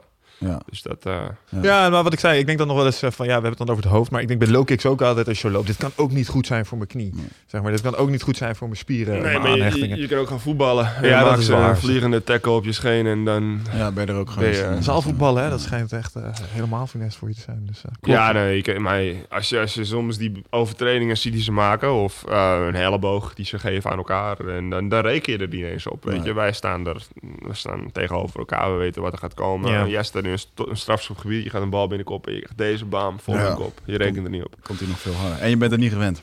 Ook nog Nee. een keertje, inderdaad. ja. Maar voetbal is allemaal lievertjes. Dus. Ja, ja, precies. Er gebeurt niks. Er gebeurt niks. Ja, nou, maar dit zeg je wel met een bepaalde eh, herkenbare ondertoon die wij als eh vechtsporters allemaal hebben. Eh, kamp je nog wel eens met de stigma's die kleven aan ons sport? Van, oh, je of nee, helemaal niet. Nee, Oh, ik, dat is eh, wel heel fijn. Ik ehm, kom eigenlijk bijna niet in, in aanraking met dat soort mensen. Ja. En ehm, eigenlijk als mensen over dat soort dingen beginnen te praten, de mensen met wie ik omga doen dat niet. Die, die weten hoe het zit. De mensen, eh, eigenlijk alle mensen die ehm, mij kennen, een beetje kennen, die weten hoe ik ben, Mm. wat ik doe. Dus die, die Ja. vragen dat soort domme vragen niet aan mij. De mensen die dat soort domme vragen wel aan mij stellen zijn of... Ja, zo ik vind het van jullie niet een domme vraag. Want jullie vragen van, heb je dat wel eens? Nou, dat gebeurt mij zelden. Ja. Weet je, mensen weten hoe ik ben, wie ik ben. Dus, en Ja. dat, eh, dat straal ik denk ik ook wel een beetje uit. Nou ja, als je om jezelf wil, je omgeeft jezelf met de mensen waar je zelf fijn bij voelt. En tuurlijk, tuurlijk eh, zijn er wel eens mensen die er heel weinig verstand van hebben die het vragen. Dan leg ik het netjes uit en als ze Ja. doorgaan, dan ga ik gewoon ergens anders. Ja, het is niet een gemiddeld beroep natuurlijk. Hey, en eh, jouw, eh, want je, het is altijd een beetje een ding geweest in, eh, in trainersland. Dat op een gegeven moment dan, dan train je heel erg lang bij, eh, bij een gym. En op een gegeven moment dan merk je dat, eh, trainingsgenootjes gaan ergens anders trainen. Het is natuurlijk bij Golden Glory gezien, wat helemaal uit elkaar gevallen is. En Ja. eh, bij tal van andere trainers. En ehm, eh, ik zie jou nog wel her en der eh, elders trainen. Ehm, je traint ook al lange tijd bij Bob. Ja. En dan ben ik heel erg benieuwd, wat, wat is de, chemie tussen, die, tussen jou en Bob? En ehm, eh, hoe hou je dat in stand? Dat jullie lekker ook met elkaar kunnen blijven trainen. Dat je, dat je elkaar blijft prikkelen. Eh, en vooruit blijft, eh, blijft Bob, gaan. Bob heeft er ook geen probleem mee als ik ergens anders train. Dan bespreken wij samen. Bob is, eh, overziet alles. Die ziet wat ik doe, hoe ik het doe. Ja. Of ik het goed doe, of het, of het iets is waar ik iets aan heb. Met bepaalde trainers werken. En, ehm, er zijn ook mensen waar ik niet naartoe ga, waar ik geen behoefte aan heb. Ja. Of een keertje ben geweest en waarvan ik denk van nee, dit, dit klikt niet helemaal. Weet je. Of Bob zegt van Ja. weet je, zo en zo. En Bob laat me daar heel erg vrij. En ik denk dat het ook eh, heel goed werkt. Ik denk niet dat het werkt als iemand tegen je zegt... je mag dit wel doen, dat niet doen. Hey eindbaas en luisteraar, dankjewel dat je zit te luisteren naar deze podcast. Ik onderbreek hem eventjes voor een hele belangrijke boodschap. Of misschien liever gezegd een uitnodiging. Want op 24, 25 en 26 mei, dan is er weer een nieuwe editie van Rite of Passage. Dat is mijn retreat voor persoonlijke ontwikkeling. En speciaal voor de mensen die op zoek zijn naar, ja, naar helderheid. Of dat ze lastig bij hun gevoel kunnen komen. Dat ze moeilijke beslissingen moeten maken. En dat ze zo ontzettend in hun hoofd zitten ja, dat ze er eigenlijk gewoon niet meer goed uitkomen. Of dat ze misschien al heel lang in een, ja, een soort van oud gevoel zitten. Dat ze dat gevoel willen transformeren. Of misschien wil je gewoon een oud stuk achter je laten. Ergens een punt achter zetten. En ja, zoek je misschien heling op iets wat, wat je te lang hebt weggeduwd of, of hebt vermeden. Ja, daarvoor wil ik je uitnodigen op 24, 25 en 26 mei om in een retreat mee te doen waar de inhoud van het programma geheim is. Waar de belofte is dat het oncomfortabel wordt. Want jij begrijpt als geen ander dat als je die volgende stap wilt maken, ja, dan zul je uit de comfortzone moeten komen. En ik garandeer je, laat mij dat proces begeleiden met jou voor drie dagen. En je leven zal daarna nooit meer hetzelfde zijn. Gemiddeld beoordelen de deelnemers het met een 9,2. En daar ben ik ontzettend trots op. Er is ook een money back guarantee. Heb je de drie dagen vol, volbracht en vind je het niks, krijg je gewoon je geld terug. Dus het enige risico wat er is, is dat je gelukkiger kan worden. Ik zie je Bride of Passage. Ga naar wichertmeerman.nl en klik op Retreat. Ehm, ja, we bespreken gewoon alles. En ehm, ik ehm, ben ook wel van plan om meer in Amerika te gaan trainen nog. Eh, de enigste reden is omdat ik dan met allemaal toppers train die ook in de UFC vechten. En dat, dat is een van de dingen die ik wel mis in Nederland. Echt, eh, toen ik bij Bob begon en dus die, die hele reeks neer kon zetten, was het omdat er, Mhm. er toen al een hele groep jongens was die op dat niveau vochten en het Ja. goed deden. En dan heb ik het niet over de absolute top, maar wel de top van Europa. Mm. In Rusland en weet ik het allemaal, vochten er allemaal. En daar kon ik me heel erg aan optrekken aan dat Ja. niveau. En ik was natuurlijk heel jong en daardoor kon ik zo'n goede reeks neerzetten. En ik denk dat het nu voor mij ook wel een hele goede eh, stap is. Als ik wat meer ga trainen met meer jongens in de UFC die tegen een title shot aan zitten. Om Ja. nog meer op het niveau te komen. Want ehm, weet je, niet, niet over de laatste partij. Ehm, maar ik had sowieso van Alistair kunnen winnen als ik gewoon ga presteren zoals ik kan presteren. Alleen dat soort partijen moeten sowieso zekerheidjes worden voor mij. Ja. Ik, ik- als ik ehm, al mijn partijen vecht zoals ik tegen Miosi's deed, dan hoor ik gewoon bij de beste vijf in de wereld. En dan kan ik gewoon tegen iedereen vechten Mm. die, Ja. die er in het zwaargewicht rondloopt. Alleen dan heb je ook wel de mensen nodig om mee te sparren en die op het niveau trainen. En dat is ook een manier van leven, weet je. Je leeft op een bepaalde manier met die jongens. En het, het- de hele dag eh, heb je een beetje dezelfde energie die je naar zo'n wedstrijd brengt. Je bereidt je samen voor, weet Ja. je. Dus dat is, ja, dat, dat is wel... eh, Want, als je, want je hebt natuurlijk niet alleen je hebt je staantrainers en eh, je hebt nu ook een krachttrainer waar je flink mee aan de slag bent. Dieet hou je goed mee aan de slag. Kun je eens wat vertellen over je trainingsregime en wie dat daar invloed op heeft? Ehm, het Wat, krachttraining nou, gewoon wat je doet. Wat, eh, wat, wat doe je met krachttraining? Wat, hoe ziet je, de week, je week eruit? En eh, ja, want het is uiteindelijk is het gewoon jouw levensstijl. Dat, Ja. Iedereen heeft daar een bepaalde invloed op. En dat heeft dan te maken eigenlijk met eten, trainen en eh, herstellen. Ja, nee, klopt. Dat, ik werk nu sinds zes jaar met, met Bas Wilmsen voor mijn krachttraining, voor mijn eten.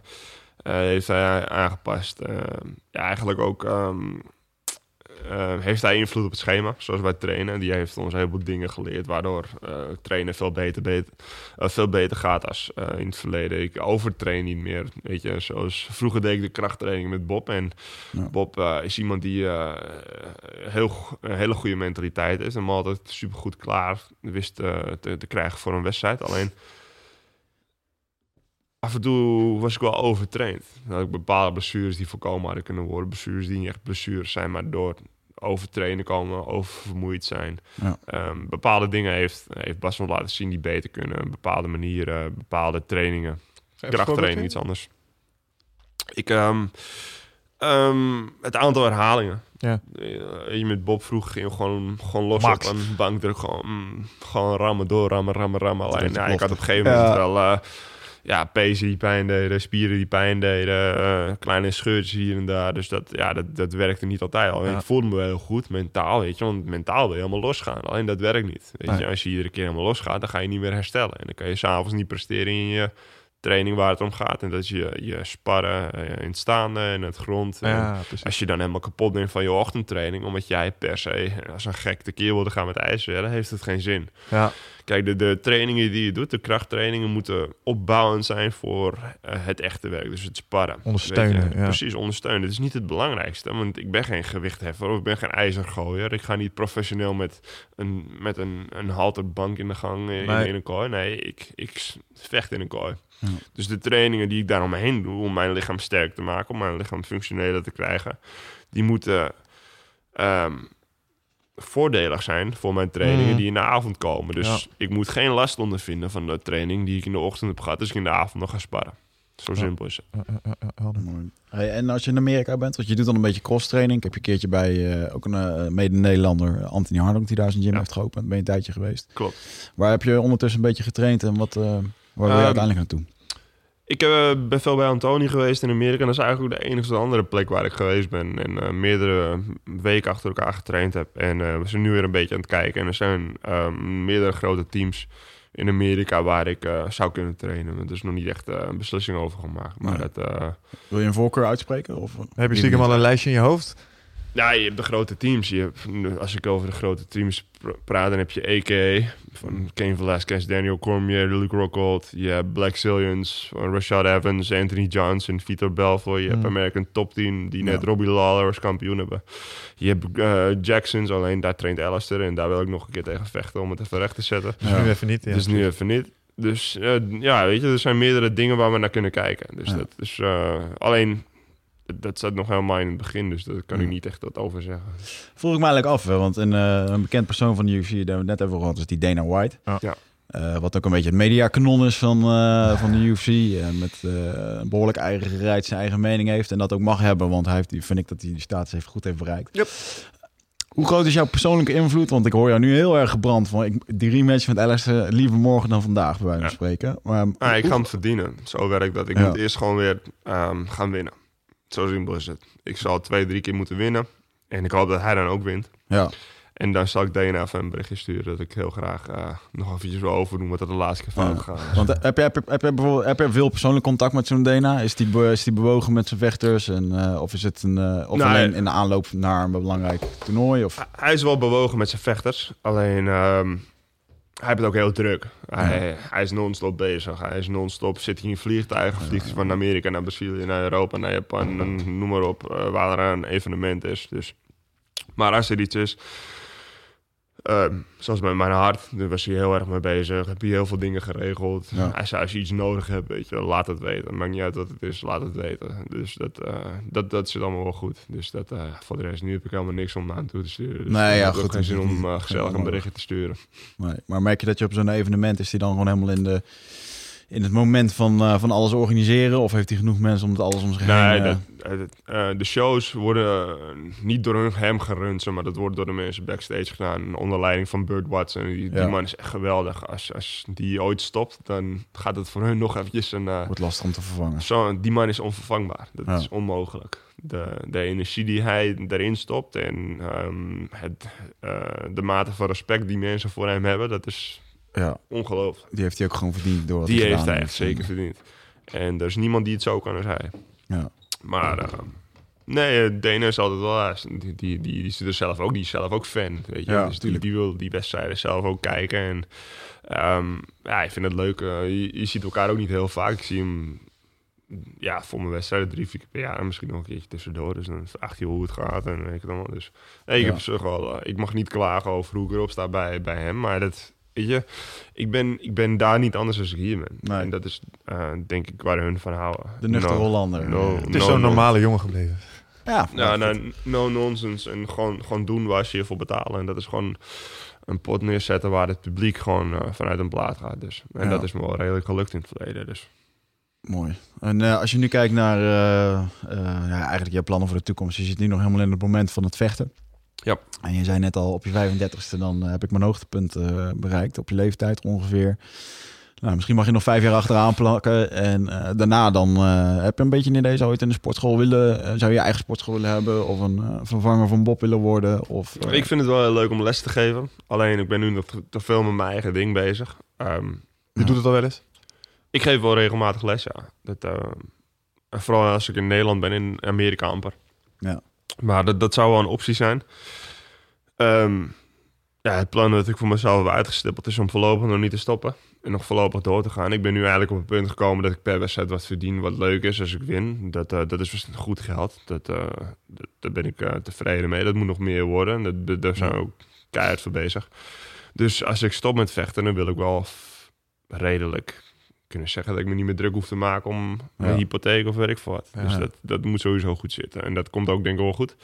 Je weet nooit dat het gebe- kan gebeuren en dat weet niemand. Dus Nee, dat- maar zo simpel dat werkt het. nu in dat de, moet stijgende lijn gaat inderdaad. Precies, ik ga niet meer eh, achterom kijken en ik heb het ergste gehad en eh, we zitten nu weer in de lift. Dus. Ja.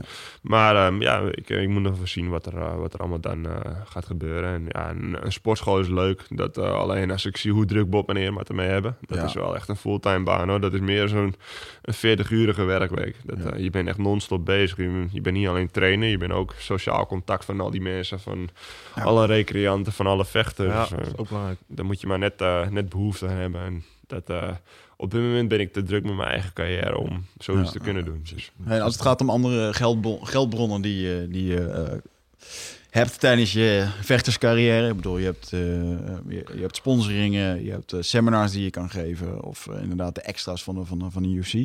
En nu is de UFC heel erg eh, bezig om eh, het concept van UFC zodanig uit te rollen dat alles in een bepaald stramien komt. En nu ook bijvoorbeeld eh, ehm, de, de, de outfits die de atleten mogen dragen. Ze hebben net een deal getekend met, eh, met een Reebok. Yep. Er is veel over gedoe geweest van, van beide kanten. De, ik merkte een beetje dat de topvechters op, op Twitter en zo zeiden van nee, dit is helemaal goed geregeld. Ehm, en dat de, de jongens die eh, nog aan de, top, eh, aan de poort staan drammelen, dat die daar wel weer wat moe- meer moeite melden. Omdat Mhm. het voor een hele hoop gewoon de inkomsten weg, eh, weghaalt. Bijvoorbeeld eh, zijn een aantal vechters die hebben mee geïnvesteerd in eh, kledingmerken. Die dragen dat, die representeren dat. En die mogen dat in één keer niet meer dragen. Ja. Ja. Wat vind jij van die hele deal en ehm, heeft het invloed op jou? eh? Ja, nou, het is, eh, als je het ver- vergelijkt met andere sporten, dat wordt gesponsord door allemaal grote merken. Zo simpel is dat. Ja. En eh, kijk, met voetbal heeft een team ook een sponsor. Eh, weet je, dat, dat gaat per team en dan heb je nog een schoenensponsor die je apart kan nemen. Ehm, per speler en eh, de echte grote sterren die worden eh, apart benaderd en die krijgen nog een extra bedrag. Kijk, we moeten even, even zien hoe het allemaal gaat uitspelen. Zoals ik het begrepen heb, de kampioen krijgt het grootste portie. De nummer 2 tot en met 5 krijgen een groot deel.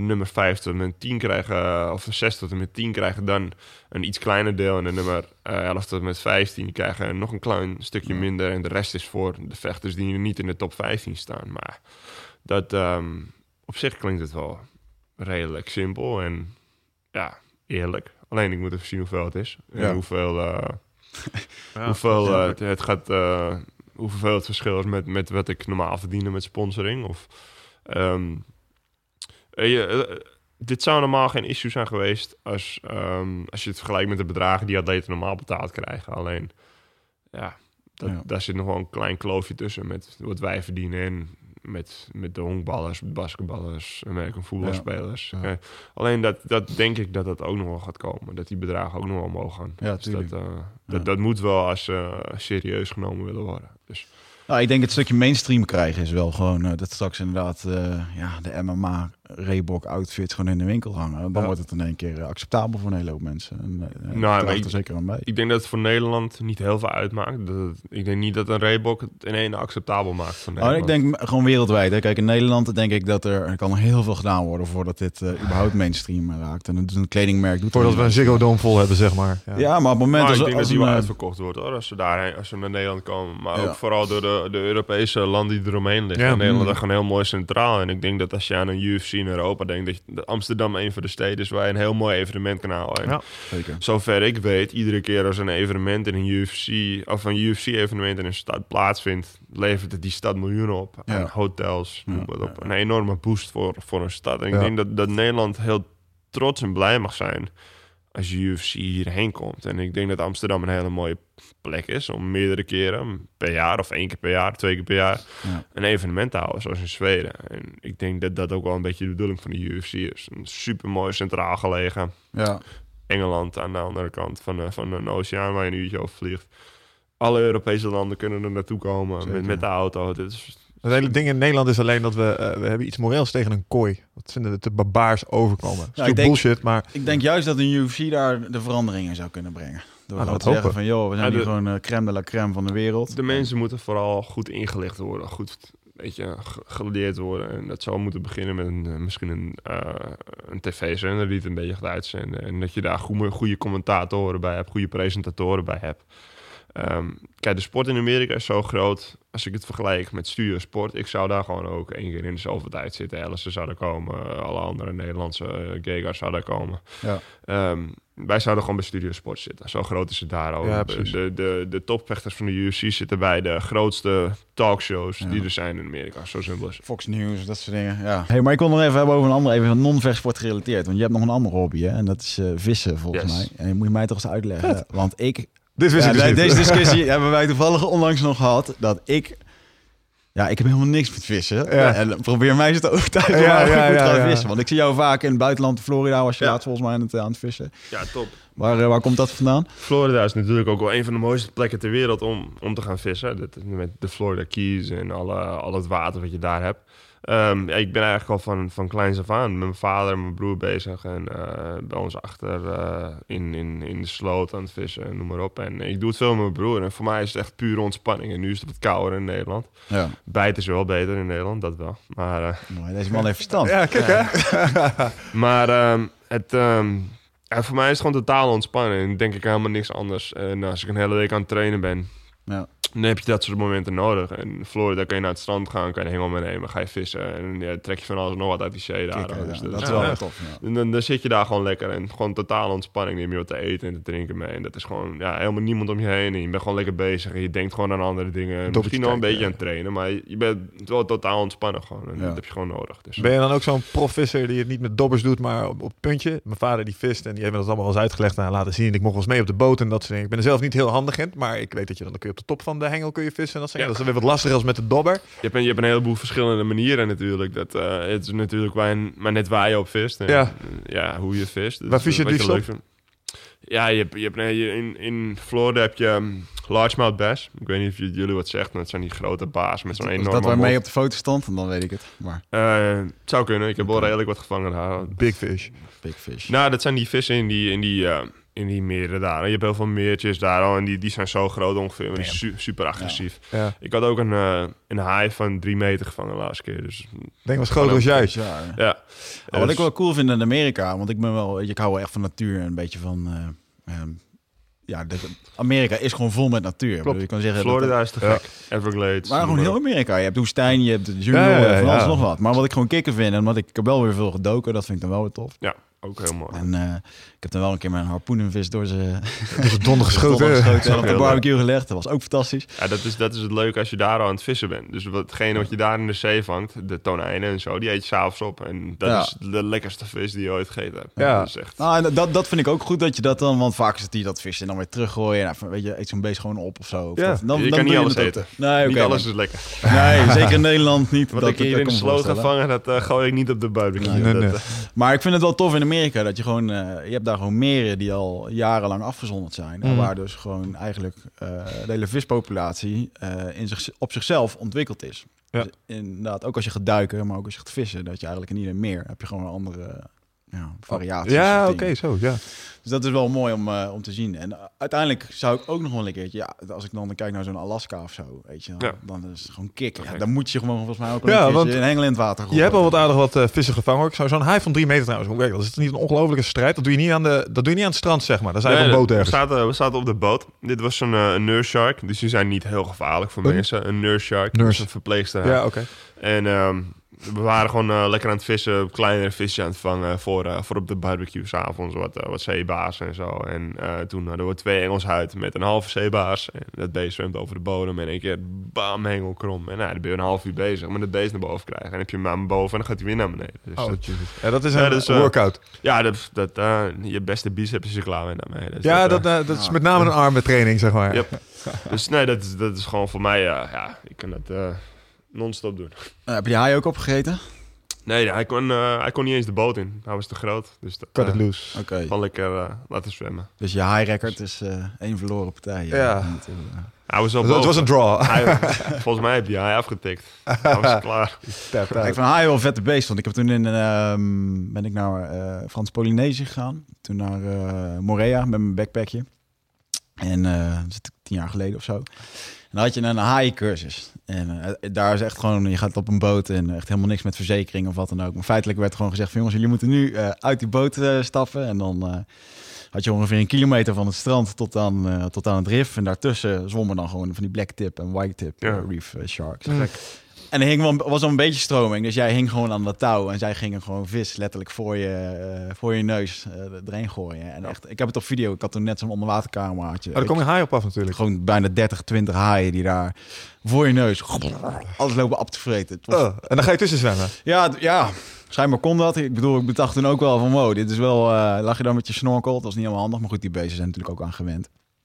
En, eh, maar ik vond wel echt... Hield eh, je jezelf voor, ja. dit is wel kicken, weet je wel. Ik heb niks met vissen, maar wel met gewoon wat er allemaal rondzwemt en, eh, en doet. Vet man. En later hebben we nog met die, van die stingrays, weet je wel. Ja. Dat je gewoon, want die beesten die... Dat was Steve uh, dat was, sterker nog, het was, in die drie maanden ervoor was Steve daar, onze Steve Irwin was daar de dood gestoken. En toen dacht En, jij, leuk, ga ik ook doen. Nou ja, goed, deze zijn gewend aan mensen. En, maar die beesten die, die, die- op het moment dat je boven het water staat en je hebt vis in je handen, dan zitten die beesten al tegen je op te zwemmen, omdat ze Ja. weten, ze ruiken het dat je het wat hebt, weet je Ik wel. krijg een beetje het gevoel als één in het park die weet dat je brood bij hebt. Ja, Ja. nou, dat is het. En dat zei ze ook over die Steve Irwin, want ik, ik had daarvoor een jaar in Australië gewoond.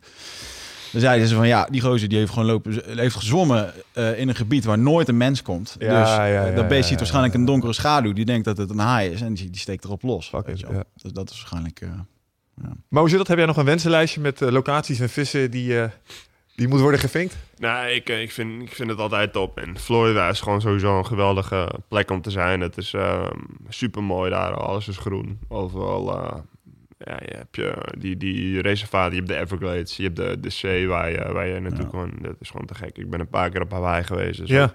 Geweldig. Ik wil heel graag nog naar eh, Australië. Ik denk dat ik daar nog wel kom met de UFC. ja. Ehm, ja, ik doe gewoon lekker mijn ding. Dus dat, Natuurlijk, eh, dat is ook belangrijk. ik vermaak me wel. Ja. Heb je nog een beetje andere hobby's buiten het vissen? Of wat je, wat je gewoon in je vrije tijd doet om te relaxen? Ehm, niet heel veel eigenlijk. Ik ben vrij druk met, eh, met, met mijn sport. En ehm, dat eh, neemt ook echt veel in, in beslag. Ook met dingen regelen buiten de wedstrijden om. En ehm, dan eh, af en toe even, even lekker vissen in Nederland, weet je. Zoals nu. Ja, wat, wat, ga je, wat ga je voor de rest doen met Ja. dit weer? Je, Ja, bijna iedereen zit binnen. Wat moet je doen? Dat, eh, kijk. Maar Ja. als je dan, eh, zeg maar, ik ben bezig met, met mijn sport en mijn vissen, is het dan ook zo dat als je eens een keer een avondje lekker op de bank hebt en je hebt een laptop op schoot, of je pak je iPad, dan ga je vechtfilmpjes zitten kijken of iets dergelijks, gewoon technieke filmpjes, want je gaf aan, Nou, dat, dat af en toe wel, maar dat, dat beschouw ik meer als wat ik tijdens de week doe. Schoon werk. is gewoon ook wel, ja, niet echt werk, maar ook wel, ik vind het ook wel leuk om te kijken natuurlijk, maar dat hoort er wel bij. Maar ehm, misschien dat als ik morgen wakker word, ik even mijn, mijn laptop pakken en ik even DC tegen Jones ga kijken. Maar Ja. dat- voor de rest, ik ga niet echt eh, helemaal ervoor zitten of zo. Nee, dat, eh, dat- weet je, ik eh, ga gewoon eh, lekker mijn ding doen. Ik ga wel vaak naar de bios bijvoorbeeld. Gewoon even lekker filmpje pakken. Ja. relaxed. Ja. Doe jij nog iets überhaupt iets aan? eh, want op het moment als jij eh, wordt gecontact om zo'n eh, partij te gaan knokken, of vaak zijn er al heel veel geruchten wat, je, wat er gaat komen. Mm. Ah, ja, de partij is dan vaak al rond hoor. Dat ging Ja? Ja. Is dat, maar is dat, is dat onderdeel van, eh, van de marketing die daarbij komt? Van een beetje de boel Nou, storytelling eromheen? Of? Ehm, Mijn manager wordt gecontact door Joe Silva, dus de matchmaker van de UFC. En Ja. dan eh, krijgen we een partij aangeboden en dan zeggen we ja of nee. Of eh, ja, we, gaan even bespreken, dit en dat. En eh, meestal als je, als je die partij allebei aangeboden hebt gekregen en je hebt ja gezegd... en één, twee dagen later dan lopen mensen om je heen en die gaan praten. En op de een of andere manier komt altijd bij iemand terecht die er Ja. wat op internet zet... en dan komt er weer Hm. iets een gerucht en dan is de partij eigenlijk al lang rond. Dus dat is wel grappig. Ja, ja inderdaad. En, en op het moment als, als je dan... Ja, ik, ik kan me niet voorstellen hoe dat... Of tenminste, ik kan me wel voorstellen, maar ik heb het idee dat het op zo'n hoog niveau anders gaat. Maar volgens mij, misschien is het helemaal niet. Als zo'n Joe Silva dan belt, of jouw manager belt gewoon letterlijk van... joh, hey, we hebben een, eh, de, de kans om tegen Alistair te, te knokken. Ja, Toen nog Eh, niet. eh, ik, wordt er dan ook meteen gezegd, je krijgt er dit bedrag voor... eh, eh, of moeten we het uitonthandelen? Of is dat iets Nee, wat al vast het staat, staat? het staat in mijn contract, hè. Het contract Ja. wat ik met de UFC heb ge- eh, gesloten, dat sluit je voor, voor meerdere wedstrijden. En als je wint, dan ga je weer een stapje omhoog. Ja. Nee, je volgende tijd voor het bedrag. En ehm, Kan je nee verkopen op het moment dat je zegt van... joh, dit vind ik nu geen geschikte partij in mijn carrière... of eh, als je er een goede onderbouwing voor hebt? als je een hele goede onderbouwing hebt. Maar Wel een heel goed verhaal zijn. Heel goed verhaal zijn, ja. Ja, Nee, weet je, je kan altijd een blessure hebben. Of ze, ze bieden je ook dat datum aan en waar dat is natuurlijk. En dan, dan kun je altijd natuurlijk wel zeggen van... hé, hey, weet je, misschien even drie weken later... dan kan ik even dit laten genezen. Of het is even lekker dichter bij huis. Of weet ik wat. En Ja, dan kun je wel vragen. Maar of ze het willen is een tweede. Ja, ja, ik vraag me, die keuze is natuurlijk vrij beperkt. Alleen je merkt wel dat eh, het aantal vechters in de UFC, het aantal contracten is super groeiende. Volgens, nou, mij, nu niet meer. Nu zijn ze wel... ehm, volgens mij hebben ze vorig jaar een behoorlijke opschoning gedaan, eventjes. Van alle ja, mensen. ze zijn nu nog wel bezig hoor. Met ehm, iets minder ehm, vechters contacteren. Want ze hebben er ook weer een divisie bij natuurlijk. De vrouwendivisie tot, eh, weet ik veel, Ja. 20, 20 kilo. ik weet Ja, het niet. ja, Je hebt zoveel op een gegeven moment. Dat, eh, ik, weet je, en daarvoor zullen ze ook gewoon een, een roster moeten hebben van 20 dames. Dus zullen we het vechters uit andere gewichtsklassen weg moeten. Want je kan maar een bepaald aantal partijen op een evenement aanbieden. En het aantal evenementen wat ze nu hebben, ze gaan niet meer e- organiseren als dit. Ze zitten nu op een hoogtepunt in. Ze Ik vind dit wel al- echt veel. Het is te veel. Ja. Hoeveel organiseren ze in een jaar tijd? Weet ik niet. 54 aankomend jaar. Is dat, dus dat is inclusief de fight nights en Dat is fight eh, nights. Dat is elke week iets. Dat is meer dan elke week iets. Ja. Dat is Ja. soms iedere week twee. Dus dat... eh, Je krijgt het op een gegeven moment niet meer gepromoot, weet je wel. Want het is echt, ik weet nog dat maar vroeger zat je gewoon drie, vier maanden ertussen. Ja, zul je uitkijken. Maar zoals nu die Ja. partij tegen DC en Cormier, die is heel erg gehyped. Maar er zijn al zoveel gales de laatste weken geweest... dat die partij ook weer niet heel erg gehyped is. Omdat mensen eerst naar andere partijen uitkeken. Hey, dit komt eerst. Nee, dus Ja. daarna gewoon pas naar die partij kijken. Weet je. En is er echt een maand tussen had gezeten. En dan hadden ze alles Ja. op die partij kunnen douwen. En dan hadden ze denk ik ook veel meer pay-per-views. Ja, ik weet dat ook nog wel een goede oude tijd met Pride. Dat je echt weken uitkeek naar sommige partijen. Ja, eh, Ja. Het gaat gebeuren, het gaat gebeuren. En, en dan had je ook tijd om je er een beetje op in te stellen en de hype op te laten bouwen. er, er zijn nu te veel, te veel vechters om je echt op te focussen. Ja. het zijn allemaal toppers. En het niveau is eh, veel, veel hoger als in Pride was. Ja. Zo, zo, zo, eh, niet gaat het gewoon, evolueert de sport gewoon. Alleen, ja.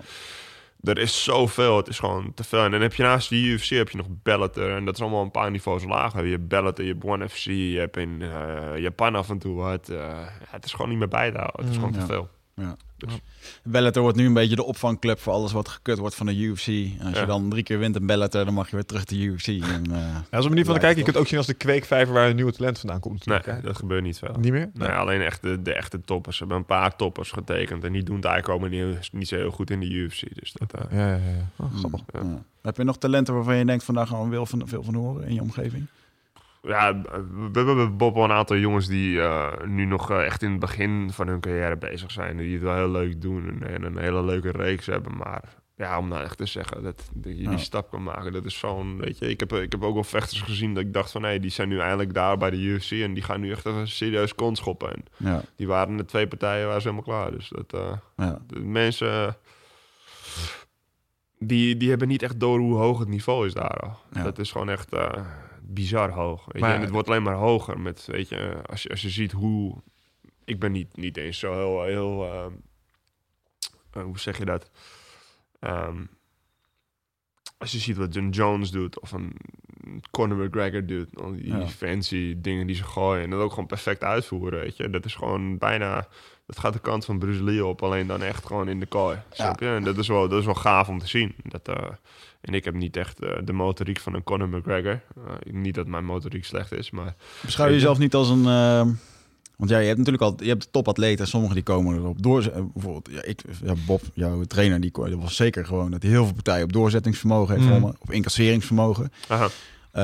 Wat mij persoonlijk opv- opvalt bij jou is dat jij, je hebt een, de, de, de goede eigenschap dat je kan terugkomen op het moment als je een paar tegenslagen in de wedstrijd krijgt. Mhm.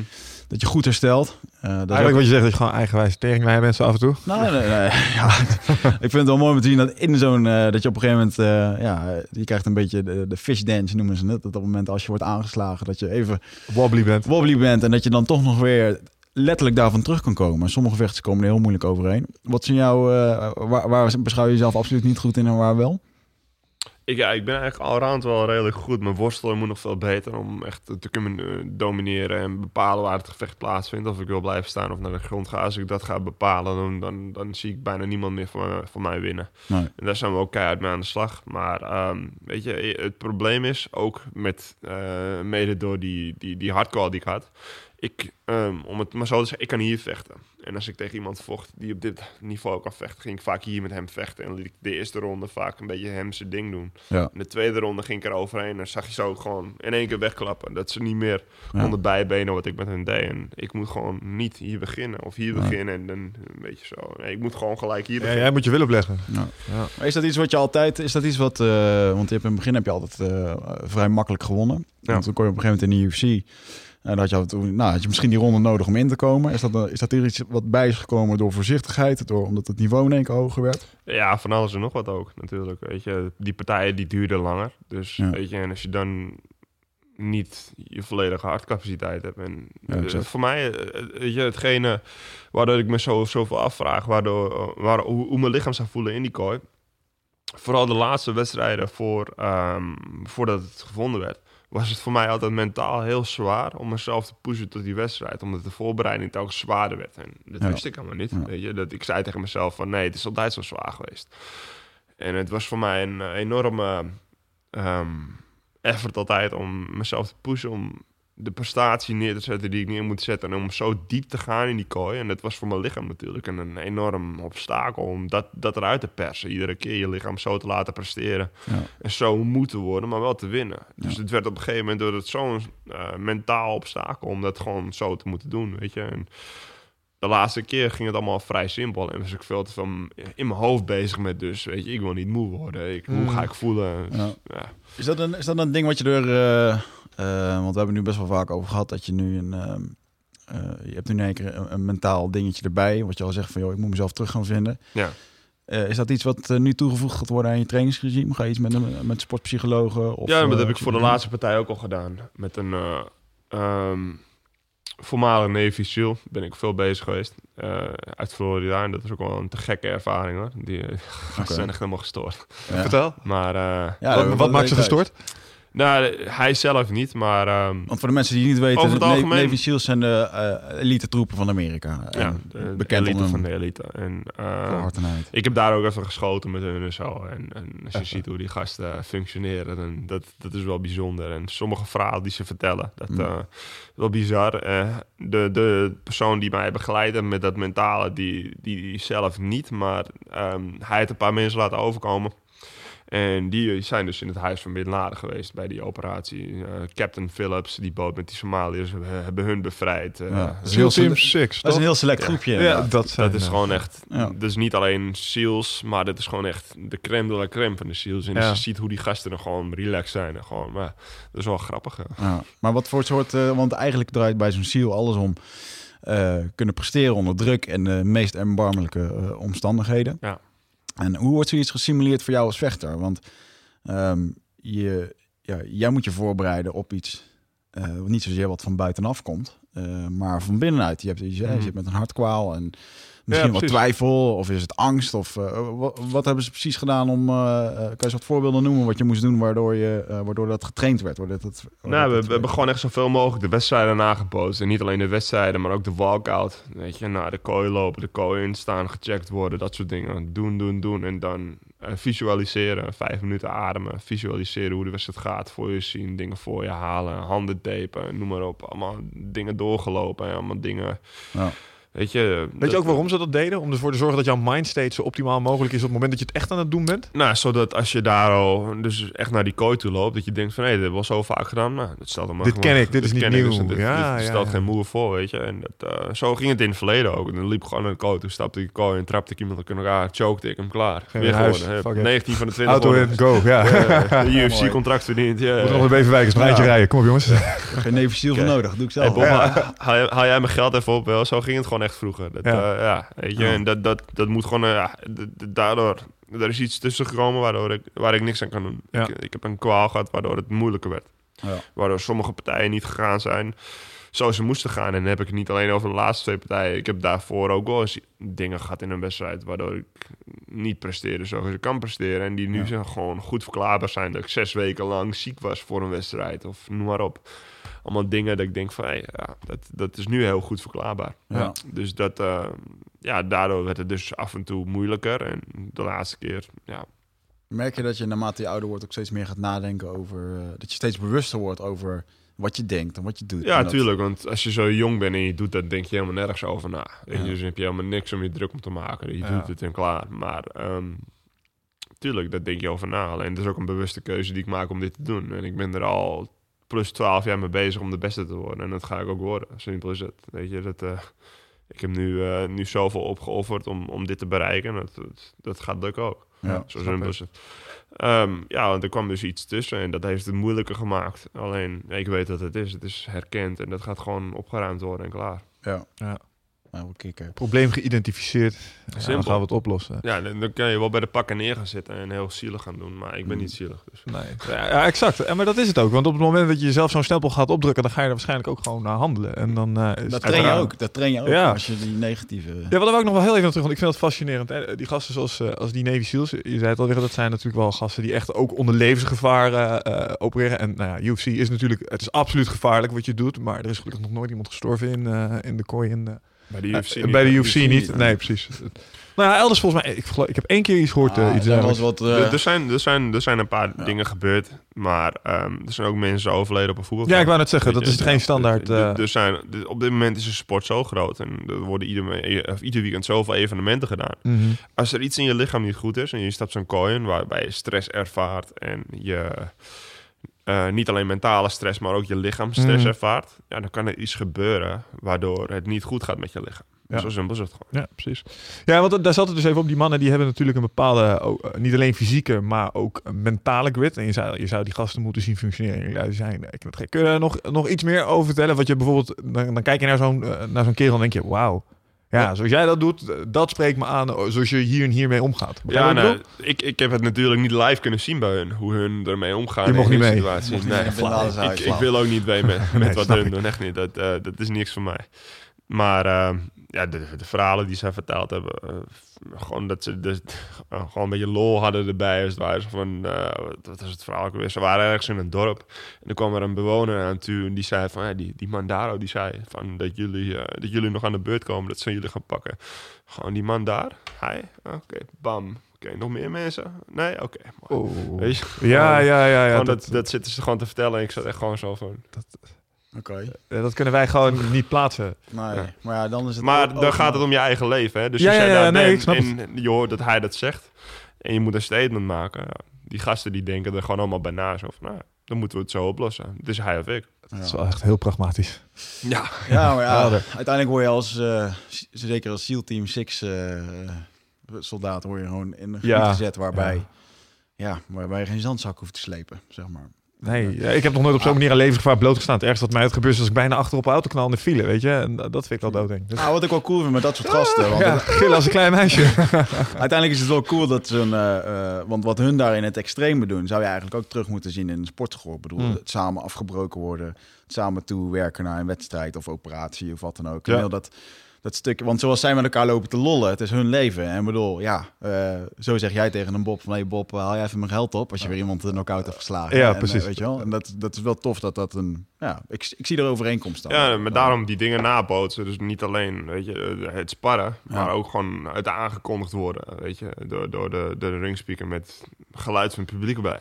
Ja. Dat soort dingen. Eh, Ja. Het naar de kooi lopen, het tapen, het ja, van alles en nog wat. Gewoon doen hoe je daar staat voordat je naar de kooi toe loopt. Weet je, dat doornemen. Dat- Zodat je zo min mogelijk nieuwe indrukken te verwerken Precies, hebt. dat je niet in één keer... nou, dat je, weet je, het draait allemaal om stoffen die je lichaam aanmaakt. Met Ja. stress. Klopt. Dus als je daar in één keer staat en eh, je begint er een, eh, de, je, je, je routine te doen met Bob, die, eh, die begint je op te pompen en tegen je te praten en, dan- dan valt het kwartje in je bij en dan krijg je zo'n adrenaline pomp. Ja. Je, je lichaam maakt in één keer stresshormonen aan. Je sol overal. en ja. dat je in één keer die hebt. Nee, weet je, dan heb je gewoon zoiets van, ik herken dit. Boom, rustig. Ja. Ja, ben jij iemand die moet worden opgefokt? Of ja, want eh, ik, wat we het over hadden, eh, je, komt nog wel eens achter op zo'n gala en dan zie je verschillende mensen op verschillende manieren worden opgewarmd. Hè. De Mhm. een die vindt het prettig als ze gewoon rustig met hem praten, de ander die moet een paar keer in zijn gezicht geslagen worden. Ja. Weer anderen vinden het lekker om helemaal over de klink te worden gejaagd op de pads. Aha. Weet je, weer anderen hebben ze halen mij maar twee keer stoten en ik vind het wel goed. Aha. Iedereen, jij? eh? iedereen doet het anders, weet je. En ja, warming up is wat anders dan opgefokt worden. Ja, dat denk ik ook. Geloven jullie in de tweede wind? Je ziet soms jongens die trainen eh, even over hun eerste piek heen, zeg maar, voordat ze de wedstrijd ingaan. Dan hebben ze hun eerste adem gehad en dan zitten ze in hun tweede lucht.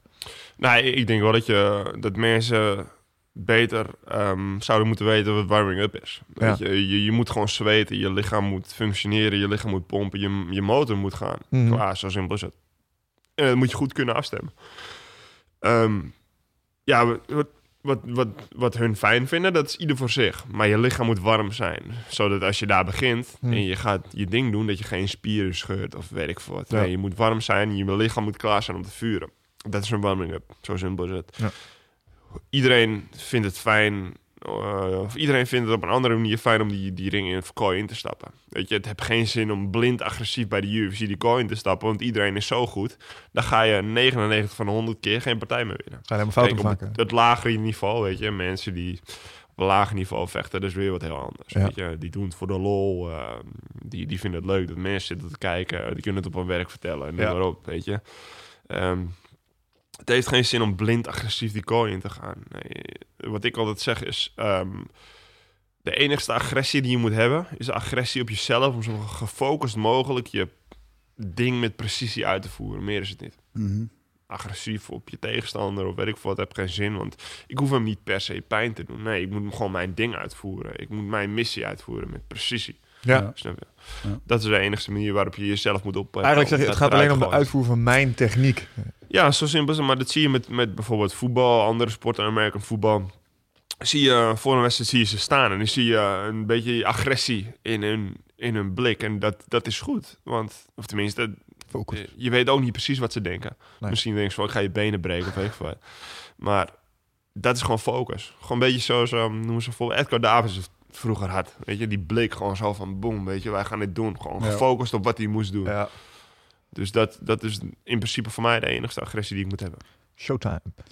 Ah, Ik vind het wel bijzonder, jongen. Je hebt een, eh, het een bijzonder beroep eh gekozen. Met, eh, ja, met high risk en eh, high stakes, maar wel ook echt eh, de mooie kanten ervan. Ja, nee, dat, Het, eh, High zeker weten. Anders zou ik het niet doen als die mooie kant er niet waren. Nee, dat lijkt me ook niet. True, oké.